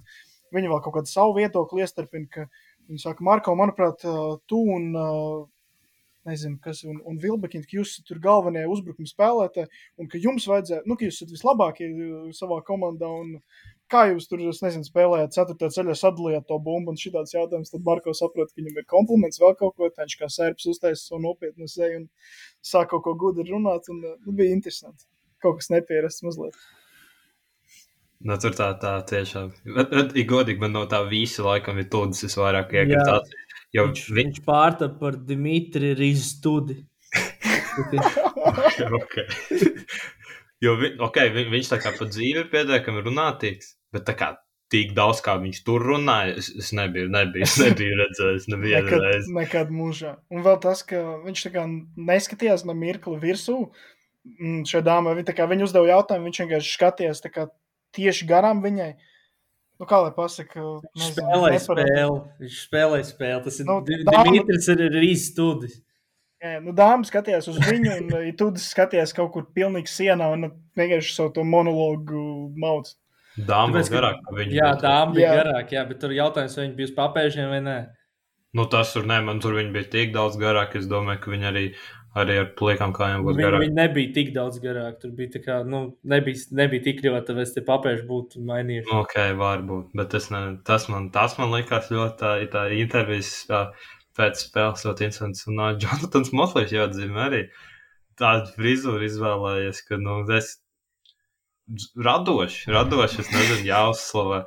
Līdzīgs redzēts, uh, Jonatans Aizāks ir, uh, man liekas, Elfrids Peitons arī tādu bija vienu brīdi izvēlējies, bet, ok, Elfrids Peitons, viņam visas frizūras ir bijušas. Un, un vēl, ja kāds ir redzējis uh, filmu Woman King, galvenajā lomā bija Viola Davis. Viņai bija tāda pati frizūra kā Motlijam. Kā tur nu, diezgan, diezgan ieguld, tika ieguldīts laiks pie frizēra. Par to visu cieņu Motlijam. Arī labs mačs. Tas, tas arī palīdzēs, domāju. Gan jau frizūras dēļ. Tie. Tikai Es īstenībā tagad atveru stāstu par Motliju diezgan interesanti, ka viņš uh, 24 minūtēs savāc vienu reboundu. Tas man tā tagad tikko iekrita. Markus Hovards cipar. Jā. Nu, piespēles bija pa daudz, trīs tomēr. Tas, tas, jā. Un arī šī, šī laikam bija otrā spēle Dorsiem, ja? vai pirmā? Es ne, nezinu, ja godīgi. Otrā laikam, Otrā, viņš otrā, maz, jā. maz tika izmantots. Bielits vairāk tiek izmantots kā viņš no tiem jaunu piesaistītiem spēlētājiem. Nu, kas ir? Es no Bielits un Dorsijas abi vienam veselību, otram komanda, bet es viņus abus kā jaunos uztveru, tā kā kas ir pa jaunam jāieliek šajā rotācijā. Un Bielicam vairāk dot tās iespējas nekā Dorsijam. Starp citu, kā jūs prāt, viņa maina Fener izredzes. Es domāju, ka Bielits īsti neietekmē. Es, eh, nedomāju, ka viņš var būt foršs joprojām Eirolandes līmenī, tāds nopietns. Nu, šo Viņš- sezonu es domāju, ka nē. Varbūt Viņš, es- viņš, viņam viņš atgādina tādu, tā kā, uh, viņš, protams, ne- nevienā brīdī nebija ne tuvu tik labs, bet uh, viņš atgādina, mēram, kā bija Pauga Zols Barcelonā. Nu, viņš var tev 2-3 minūšu nogriezni kaut ko jēdzīgi izdarīt, bet uh, vairāk ar Nu, aizsardzībā ieved- bija slikts. nu, Pogazals ar, ar aizsardzību tieši ieveda komandu Final Four. Tā kā, nu, ne, nevar teikt, ka viss bija, viss bija tā, bet es par Bjelicu es tomēr gribētu nedaudz sagaidīt, ja viņam, piemēram, iedotu pilnu sagatavošanos procesu pirms sezonas, kur viņš vesels, un, un to, to visu pārējo, tad var būt kaut ko, bet tagad, tagad es domāju, es neko nemainu. Jo Dorsis, cik es atceros šeit, piemēram, viņš pat spēlē galotnē, kaut kādā, viņš kaut, man liekas, rekur viņam vienīgie trīs punkti, tie bija, man liekas, diezgan svarīgi spēles beigās. Viņš tā kā spēlē, spēlēja izšķirošos momentos arī laukumā. Jā, nu man par Dorsiju tā problēma tāda, ka man joprojām līdz galam nav skaidrs, kāpēc Feneram viņu tik ļoti vajadzēja, jo viņiem jau ir uh, Guduričs, uh, Vilbekins, Kalates, Kārsens, Edvards, nu, pilns komplekss ar maziem spēlētājiem. Un, es Hazards nezinu, vēl. Nu jā, tas arī ir ļoti svarīga sastāvdaļa. Un, uh, nu, Tas, nezinu, uh, ja tūdien būs jāschēmo reāli, kā, kā šo visu apvienot, jo pagaidām Dorsijas īsti netiek izmantots.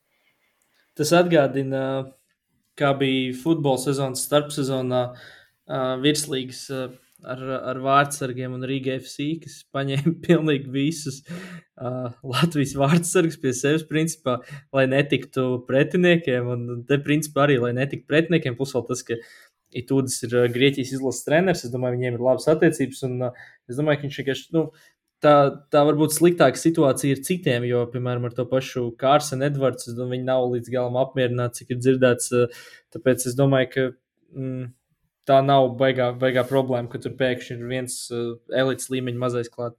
Plus, vēl var arī pa trīs spēlēt. Jā, nu, gan jau tā arī būs jādara. Nu, man, man arī tā, tā līdzīga kā tev, liekas, vairāk tas ir Karstenam Edvardsam vajadzētu uztraukties nekā, nekā Dorsiem, jo, nu, viņam, man, viņš man liekas būs pirmais, kam šitajā spēlē pret Barcelonu tieši trīs minūtes tikai.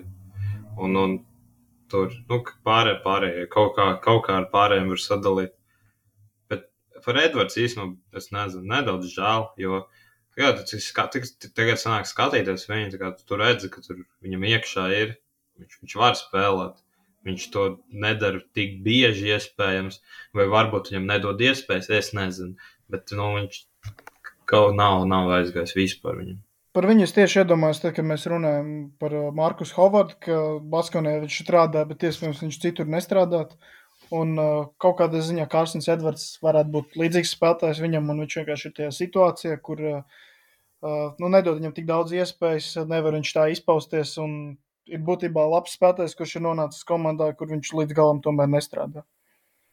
Nu, viņš savā būtībā, principā, vismaz no tā, cik es viņš tā kā ir agresīvāks, agresīvāks Markus Hovards, jo Kārsins Edvards ir ļoti daudz, nezinu, caurgainas, iet ļoti, ļoti agresīvi. Es par metienu, ja godīgi nezinu, cik viņam viņš tur labs ir. Relatīvi. Kārsins Edvards praktiski tas pats, kas Hovards, viņš arī ir metējis. Nē, ok, tur es vienkārši man tur Nu, viņš, ir, viņš ir vairāk caurgainas, jā, bet viņš arī var ielikt no, no, no dīpa, kā dažiem patīk teikt. Jā. Es domāju, ka Karsten Edvards, ja tu viņu ieliktu Baskonijā, viņš, viņš būtu tas pats, kas Hovards, ja ne labāks. Gan jau. Mm, es domāju, ka mazliet sliktāks. Es bet, nedomāju, ka labāks, jā. Bet uz to pusi. Uh, nu jā, Hovards vispār viņš pat ātrijos met uh, trojku, ir uh, viens pret viens, viņi izstāsta, ka viņš pat varbūt ir soli priekšā, un ka viņš tiks līdz apakšai, viņš vienkārši apstājās un iemet tālu. Tā, nezinu, Stef, Stef Karī efekts, par ko mēs runājām. Nu, Redvards nebūtu tāds problēmas, viņam būtu patīk viņam kaulā iet. Jā, tas, tas gan. Tas, tas ļoti viņam iet pie sirds. Bet, nu, ā, Barcelonas, ap citu, viņam, es esmu, nav nekādas sasaka priekšā, bet es nezinu, viņam, Nu, varbūt bez mazā viens no pirmajiem double game weekiem, kad viņi 0-2 dabū. Man vismaz nav atmiņā vēl, vēl kaut kādas šādas reizes. Ok, viņiem bija ļoti smagi pretinieki. Jā, varbūt, varbūt. Man arī tagad tā atmiņā nav. Un šī tas viņam vēl nereāli iegriež cīņā par, piemēram, trešo vietu un mājas spēļu priekšrocībām tieši, jo viņam tagad ar Monako ir vienāda bilance, Un uh, Fenerbahčs ir uh, pusi uzvara aiz viņiem. Tā kā Feneram tā vien, viena spēle rezervē, un ja Feners uzvar, tad viņi aiziet garām Barcelonai. Jo, jo Jā. viņi savstarpēji, savstarpēji ar šito uzvaru, viņi tagad viņiem ir priekšā. Un tad tur Barcelonā tur tā situācija nav es, tik rožaina uzzīmējusies. Es teiktu, ka viņiem ir jākoncentrējas uz to, lai viņi noturētu vietu pirmajā četrniekā. Es domāju, ka nav tik liela nozīme, tu esi trešajā vai ceturtajā vietā. Nē, nē, es piekrītu, bet vienkārši to, ka nu, viņiem, nu, tagad viņi riskē viņiem, piekto. Nu, viņiem, jā, tagad tieši tā problēma, ka viņi ir tā kā no tām trīs, un tur vēl, ok, labi, tur ir reāls, principā, viens spēles attālumā, nu, pusotrs tehniski sanāk. Jā. Un, un tad nu, tur nav tik, nav tik vienkārši noturēties tur tajā četrniekā. Principā vienīgā, ko es varu pateikt, kas, ka, kas noteikti būs četrniekā, būs Olimpijākas. Nu, no reāls, pārējie... arī, reāls arī būs. Nu, es ceru, man es vienkārši es tā, es, es tā kā man iegājies no Latvijas izlases spēlēm, piemēram, ka es nekad neticu līdz galam, nekad ticēšu, ticēšu, kad redzēšu. Jā. Un, un tad Barcelona nedaudz spēlēs ar uguni. Jo, ja viņiem, piemēram, sanāktu vēlreiz, ka viņi nolažo playoffs un viņiem piektā spēle, teiksim, Stambulā jāspēlē, tas nav tas pats, kas mājās spēlē. Tagad tur, nu, viņiem, tas viņiem, man... viņiem vēl ļoti vēl, nu, šī tādas lāžas vairs tā kā, tā kā šitajā nedēļā divas. Nevar, nevar atļauties tā, jā. Es saku, ja, viņi, ja viņi netrāpīs uz Baskoniju, viņi zaudēs jau ceturtajā finālā. Ar visu to, ka piektā spēle būs mājās. Nu, kam viņi Baskoniju viņi vinnētu un jebkam citam zaudētu? Nu, es, es eju vados pēc tā, ka vienkārši pret Spāņu komandu. Jā, bet, nu, tad tu saki, piemēram, ja Barcelona spēlē pret, mm, nezinu, Makabi, Efesu, ne, Efes nebūs. Nu, Faktiski, žēl, uh, Barcelona būs 3. līdz 5. vietā, visticamāk, kaut kur tur. Un viņi spēlēs ar kaut kādu 6. 7. kas ir Baskonī, Makabī, Partizans, Efes, Žalgiris. Monako. Nu, Žalgiris noteikti nebūs 6. Nu, labi, okay. Efes nebūs 6. Nu, es, saku, es domāju, ka reālāk būs tā, ka Bārsa būs uh, uh, pagad 4. ir Feners, ja? Mo Monako. Viņi, viņi, viņi ah, tagad okay. Feners 5. Viņam, viņi vēl vienu spēli rezervē. Tāpēc. No, okay. bet, uh, ja viņi spēlē pret Makabi, Partizanu vai Efesu, tad tu saki, ka šīs komandas izslēdz Barcelonu.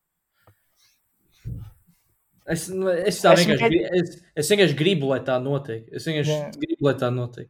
Es mēģinu no tevis hoteiku vienkārši izspiest ārā. Nu, tas ir hoteiks. Nē, es, es pats ļoti labi apzinos, ka tas ir hoteiks. Vienkārši nezinu, es, es saku, es, ok, īstenībā arī, arī Baskonijai labi šansas, tīpaši pie, pie tā, kā viņi spēlē šogad. Bet, uh, Es vienkārši gribu, lai Barcelona zaudētu ceturtajā finālā. Es vienkārši arī neticu, ka viņi varētu vēlreiz.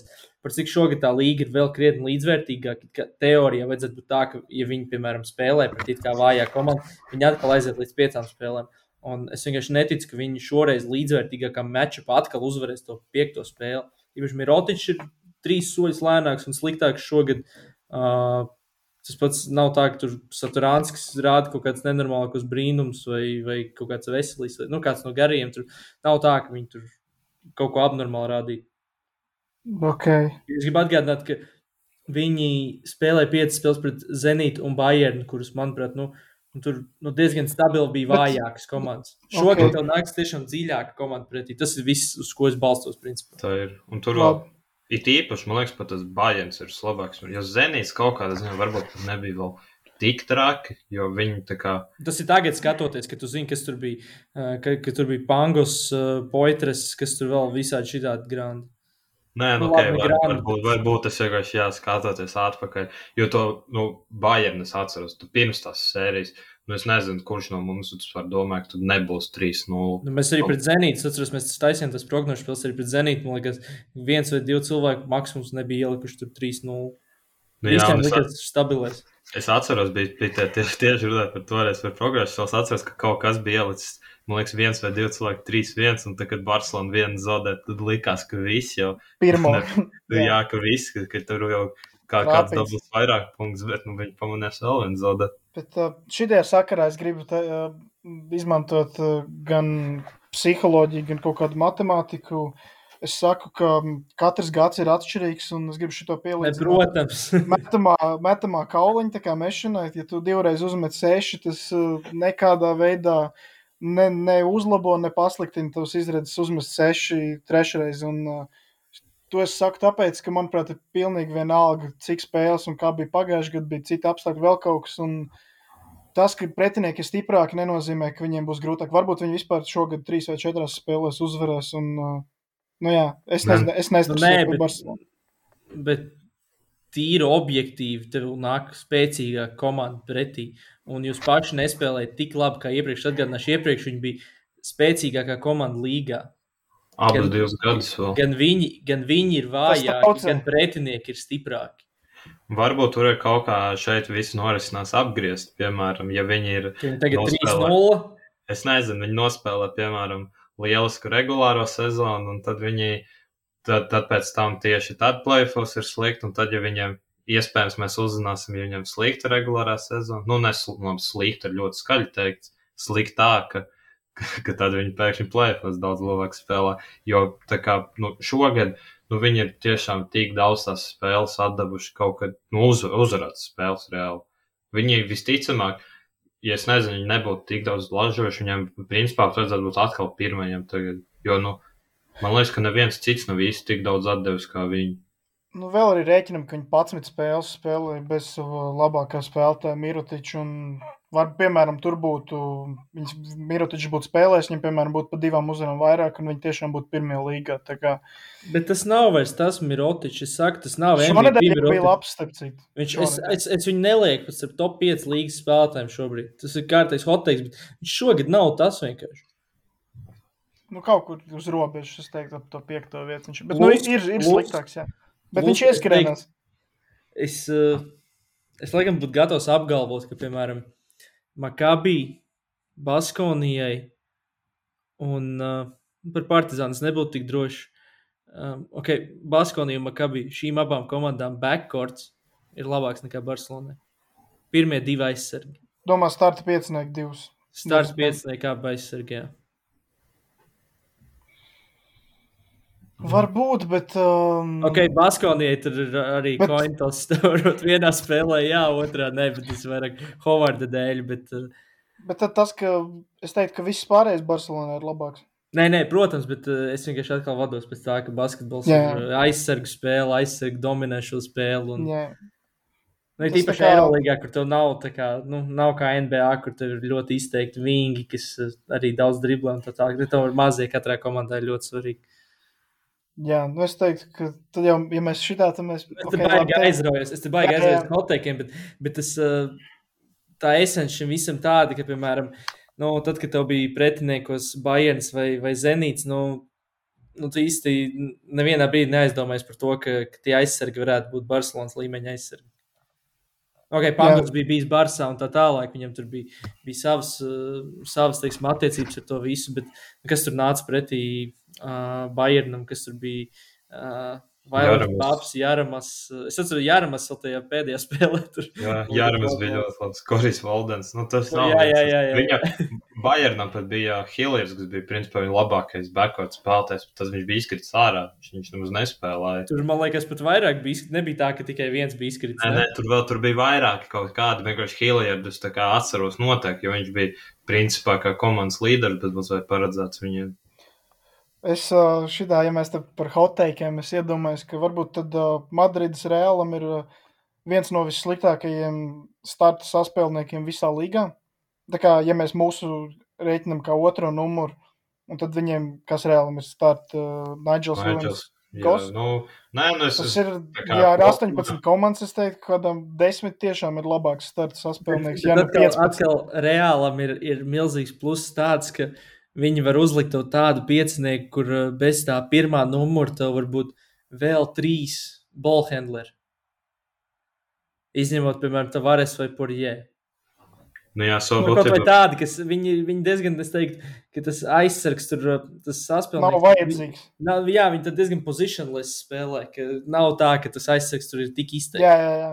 Nu, es tā tīri, ka, ja mēs nē, nē, tā ir piekrīt, tā ir piekrīt. Ne tā tīri pēc pozīcijām, es, tā, es, es, es, domā, es to piekrītu. Jo tā arī, vai, jā. tā arī, ap citu, bija, koma, tā bija problēma, kas viņiem bija tieši iepriekšējā starpsezonā, ko viņi tā, ja godīgi, viņi nemaz neatrisināja. Tad tika viņi pirms... pastiprinājās visur citur, izņemot, izņemot tā kā tajā vienā pozīcijā, kas iespējams bija iemesls, kāpēc viņi, piemēram, titulu nedabūja pagājušajā gadā. Jā. Viņi vienkārši nav īsti, kā tur, tur ir, ir diezgan daudz opcijas saspēlniekiem, bet tā kā nav tāda, tāda tiešām zvaigznes vienas. Bet, nu, palīdz, nu, palīdz tas, ka viņi Džonam mūsu piesaist. Viņš līdz galam nav saspiņš, bet nu, var kaut kādos momentos pildīt to funkciju. Bet... Nu, viņš diezgan daudz vienkārši tas, ka viņ, viņš, viņš var ļoti daudz sev paņemt. Sev pats izveidos. Viņam, viņam nevajag to saspiņu nemaz. Tas, tas viņam, viņam tīri tas ir tā. Viņš pats var to pikaru un. Vispār nav nekāda problēma. Bet īstenībā es tā tagad skatos, tiešām tabulā. Es teiktu, ka reāli saspēlnieki ir labāki nekā. Tur žēlgi ir. Žēlgi ir. Nē, žēlgirs un Panatinaikos te, un, un Bayern gan jau arī. Un žēlgirs ir tikai traumas dēļ, jo jā, Evans ir jā. labāks par jebko. Jā, jo tā tad, tad trešais tad, sliktākais saspičs. Bet labi, es īstenībā tā, tur tā mēs runājam, bet man īstenībā Nigels Viljams Gosman viņš patīk. Viņš, viņš nepatīk kā pirmā opcija. Kā tur, ja viņš, viņš man liekas, būtu fantastisks backups, bet uh, kā, kā, nu, kā Jūļam, pirmā, nu, nē, nu labi, Jūļam arī tur vairs nav. Un tur, un tad vasarā atkal būs šī problēma jārisina. Man godīgi nav vajagās tā kā ilūzijas, ka viņi tiks ļoti labi atrisināt. Es atceros, pagājušajā gadā jau pirms fināla bija runas, ka Šeins Lārkins dosies uz Madridu, bet beigās neko no tā neieraudzījām. Bija Maiks Džeims. Kristaps Valters, Raimons Gabrāns. Nē, nu, savā būtībā, principā, viss, ko viņi pastiprinās, bija tas, ka viņi dabūja šo čāčo. Bet tas, es neteiktu, tas ļoti daudz ko maina. Jo nu, es čāčo, es godīgi domāju, ka viņš Latvijas-Igaunijas līgā neizceltos aizsardzībā. Es domāju, ka viņus, viņā varētu apspēlēt šeit. Jo nu, viņu vazā visi. Tā kā, ja tu pavēro, tad principā es, es redzu to, ka viņš ir aizsardzībā pret kaut kādu puslīdz kompetentu mazo spēlētāju, es zinu, ka viņš viņam tiks garām. Viņam, viņam, bet tur ir ļoti patīkams bonus, ka tev apakšā kungs ir 2,20. Varbūt, uh, varbūt tā arī ir daļa no taktikas. Ja tu zini, ka tev apakšā ir tāds garais, tad tev kā mazajam ir ļoti jāfokusēs, lai tu neļauj izpildīt kaut kāds metiens no distances. Un tad apakšā tu paļaujies, ka nu, gan jau tav, tavāris kaut kā viens pats tos divus cilvēkus nosaks tajā divu viens situācijā. Nu jā, bet ar, ar viņu tas ir daudz izteiktāk. Tas pats Viljams Gauss ir labs aizsardzībā. Bet, nu, labi, tur man atkal sanāca aizslidēt pārāk daudz šajā tēmā. Nu jā, tas tā vienkārši interesanti, ka tev izteikti saspiņš nav, bet tu esi tabulā šobrīd otra labākā komanda līgā. Ka Es Varbūt- teikt, ka treneris varētu būt turpat top 3 apakšā. Man tā liekas. Es teiktu, ka tie, kas ir sliktāk, gan jau TJ Parkers. Un uh, tā vairs nu, arī tad tu domā, ar kādiem resursiem viņš strādā. Šis mūžīgais jautājums. Nu, vai pārējais Nē, ir nu, vainīgs ok. tas vēl? Es teiktu, viņiem sliktākais sastāvs līgā, un Dekolo viņi vēl tur dažreiz spēlē, dažreiz atpūtina un tam līdzīgi. Ka, Nē, nu, māši, vienkārši man tas treneris, man viņš tā, tā uzvalk ik pa laikam, ka es, es nezinu. Tas ir vienīgi, ja būtu, ja būtu normāls treneris pēc turas, es būtu daudz pārliecinātāks par šo visu. Pie tādas identiskas bilances kā tagad, es būtu daudz pārliecinātāks par to, ka būs pozitīvs iznākums. jā, Es, es īstenībā es būtu diezgan drošs, ka nākamais reāli treneris būs Sergio Skarjola. Vai viņš vai arī par Paskālu bija runas arī. par šo Paskālam tieši beidzas līgums.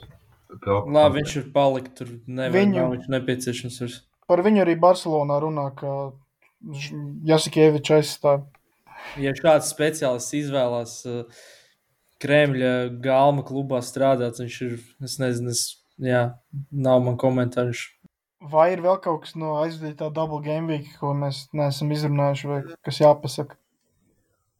Ā, bija tieši par, par to, ko, kad uh, Skotijas Vilbekins atgriezās Fenerā. Es uh, pamanīju rakstu basketņos. Tas bija relatīvi vecs, bet es viņu tagad pamanīju. Es nezināju to, ka iespējams ir pamatojums, kāpēc kā Makabī spēlē tik daudz amerikāņu tieši, jo, jo tur ir ā, Izrēlā tā, ka amerikāņiem ā, viņiem pirmos četrus gadus, ko viņi tur spēlē, viņiem ir daudz draudzīgāk nodokļu likumi. Principā viņi nodokļus jāmaksā divreiz mazāk amerikāņiem nekā, nekā eiropiešiem, piemēram. Un, un pēc četriem gadiem tieši tā likme paliek tāda pati kā visiem citiem. Un Tāpēc, tāpēc tāpēc Vilbekins prom aizgāja. Vilbekins tieši nospēlēja četrus gadus. Tad tas ir tas, kaut ko noteikti ietekmē, jo tev, ja Vilbekins, es pieņemu, viņš nospēlē, viņam beidzas līgums, viņš, gan- viņš gan jau negrib pa mazāk naudas sākt pēkšņi spēlēt un nodarboties ar labdarību, tā kā Sāša Vezenkovs. Un tad tu, nu, tad, ja tu gribi saglabāt tādu pašu algu, tad komandai principā jāmaksā ir par, es nezinu, pat reizēļ vairāk sanāk, nekā viņam pirms tam bija. Jā, nu, Vilbekinam arī šī atgriešanās spēle tam nebija uh, laba. Ja, man liekas, viens astoņi metienos bija vai tam līdzīgi. Un, uh, nu, nezinu, izsties viņš arī tāds nervos un ka, nu, emocionāli grūti spēle viņam un, nu, neizdevās līdz galam. Bet tur Par- es izsaka, ka viņu fani īstenībā joprojām ļoti mīl. Jo, es nezinu, viņu uzņēma ļoti labi. Arī, es nezinu, Instagram komentāros bija ļoti, ļoti tā kā viņu gaida atpakaļ, principā. Un, un tas pozitīvi. Man liekas, principā ar Vilbekinu tā to, ka tad, ja Fenners labi spēlē, viņš arī labi spēlē. Es nezinu, kas ir cēlons, kas ir sākas, jo viņam arī tā sezona, viņš sākumā, ka viņi bija ļoti labi, tad Vilbekins arī bija ļoti labs, bet tad kaut kā pēdējā laikā tur nedaudz nedaudz viss viņam nobrimzējās. Jā. Nu, nezinu, varbūt nonāca savā reālajā pozīcijā, jo, kad sezonas sākumā Feners bija tur pirmajā līgā, nu, nezinu, tas, man tas bija pārsteigums. Es domāju, ka tā tur ir 4. 5. vieta, kur viņi ir, tas arī ir tā viņa objektīvā pozīcija Eirolīgā. Nu, principā, jā, nu labi, ka jā, tur sezonas sākumos jau visādi gadās brīnumi, kurus, nezinu, kaut kā minimāli labāk sagatavojušies. Alba uzsāk arī ar trīs uzvarām, ja, ja, ja tā es pareizi atceros. Un viņi pa visu atlikušo sezonu, laikam, četras ir savākuši. Tā kā Jā. tur, nu jā, sezonas sākums vai viss, viss, kas notiek. Es nezinu, jums uh, ir vēl kaut, kaut, kas, kaut kas runājums vai, vai nē? Uh, laikam, ne. ah, es tikko atcerējos, kas man vienkārši jaudīgi likās. Es redzēju klipu, ka tajā Cervenus un Efes spēlē, kur uh, kam pats atdies, tur uh, bija tas, ka visi tie trakie Serbijas fani, kā vienmēr, viņi tā kā, mm, tā kā čentoja, fuck you, ataman, fuck you, ataman. Vienkārši nezinu, cik tur tūkstoši cilvēku vienlaicīgi šitādi saukli. Un Atamans tur cepās, cepās, un beigās viņu arī izrādīja no spēles. Un es iedzīvoju atsevišķus klipiņus, un tas likās vienkārši kārtīgi reiz par atmosfēru Belgradā. Iespējams, ka šī tā notiek. Kā skatītājiem jau to interesanti. Es nezinu, kā Ergins jutās un uztvēra to, bet Nē, nu, es nezinu, ir jau visādi cilvēki, iespējams, tādi, kuriem es nezinu, tev desmit tūkstoši fani tev, tevi sūta tālāk, tā teikt. Tā.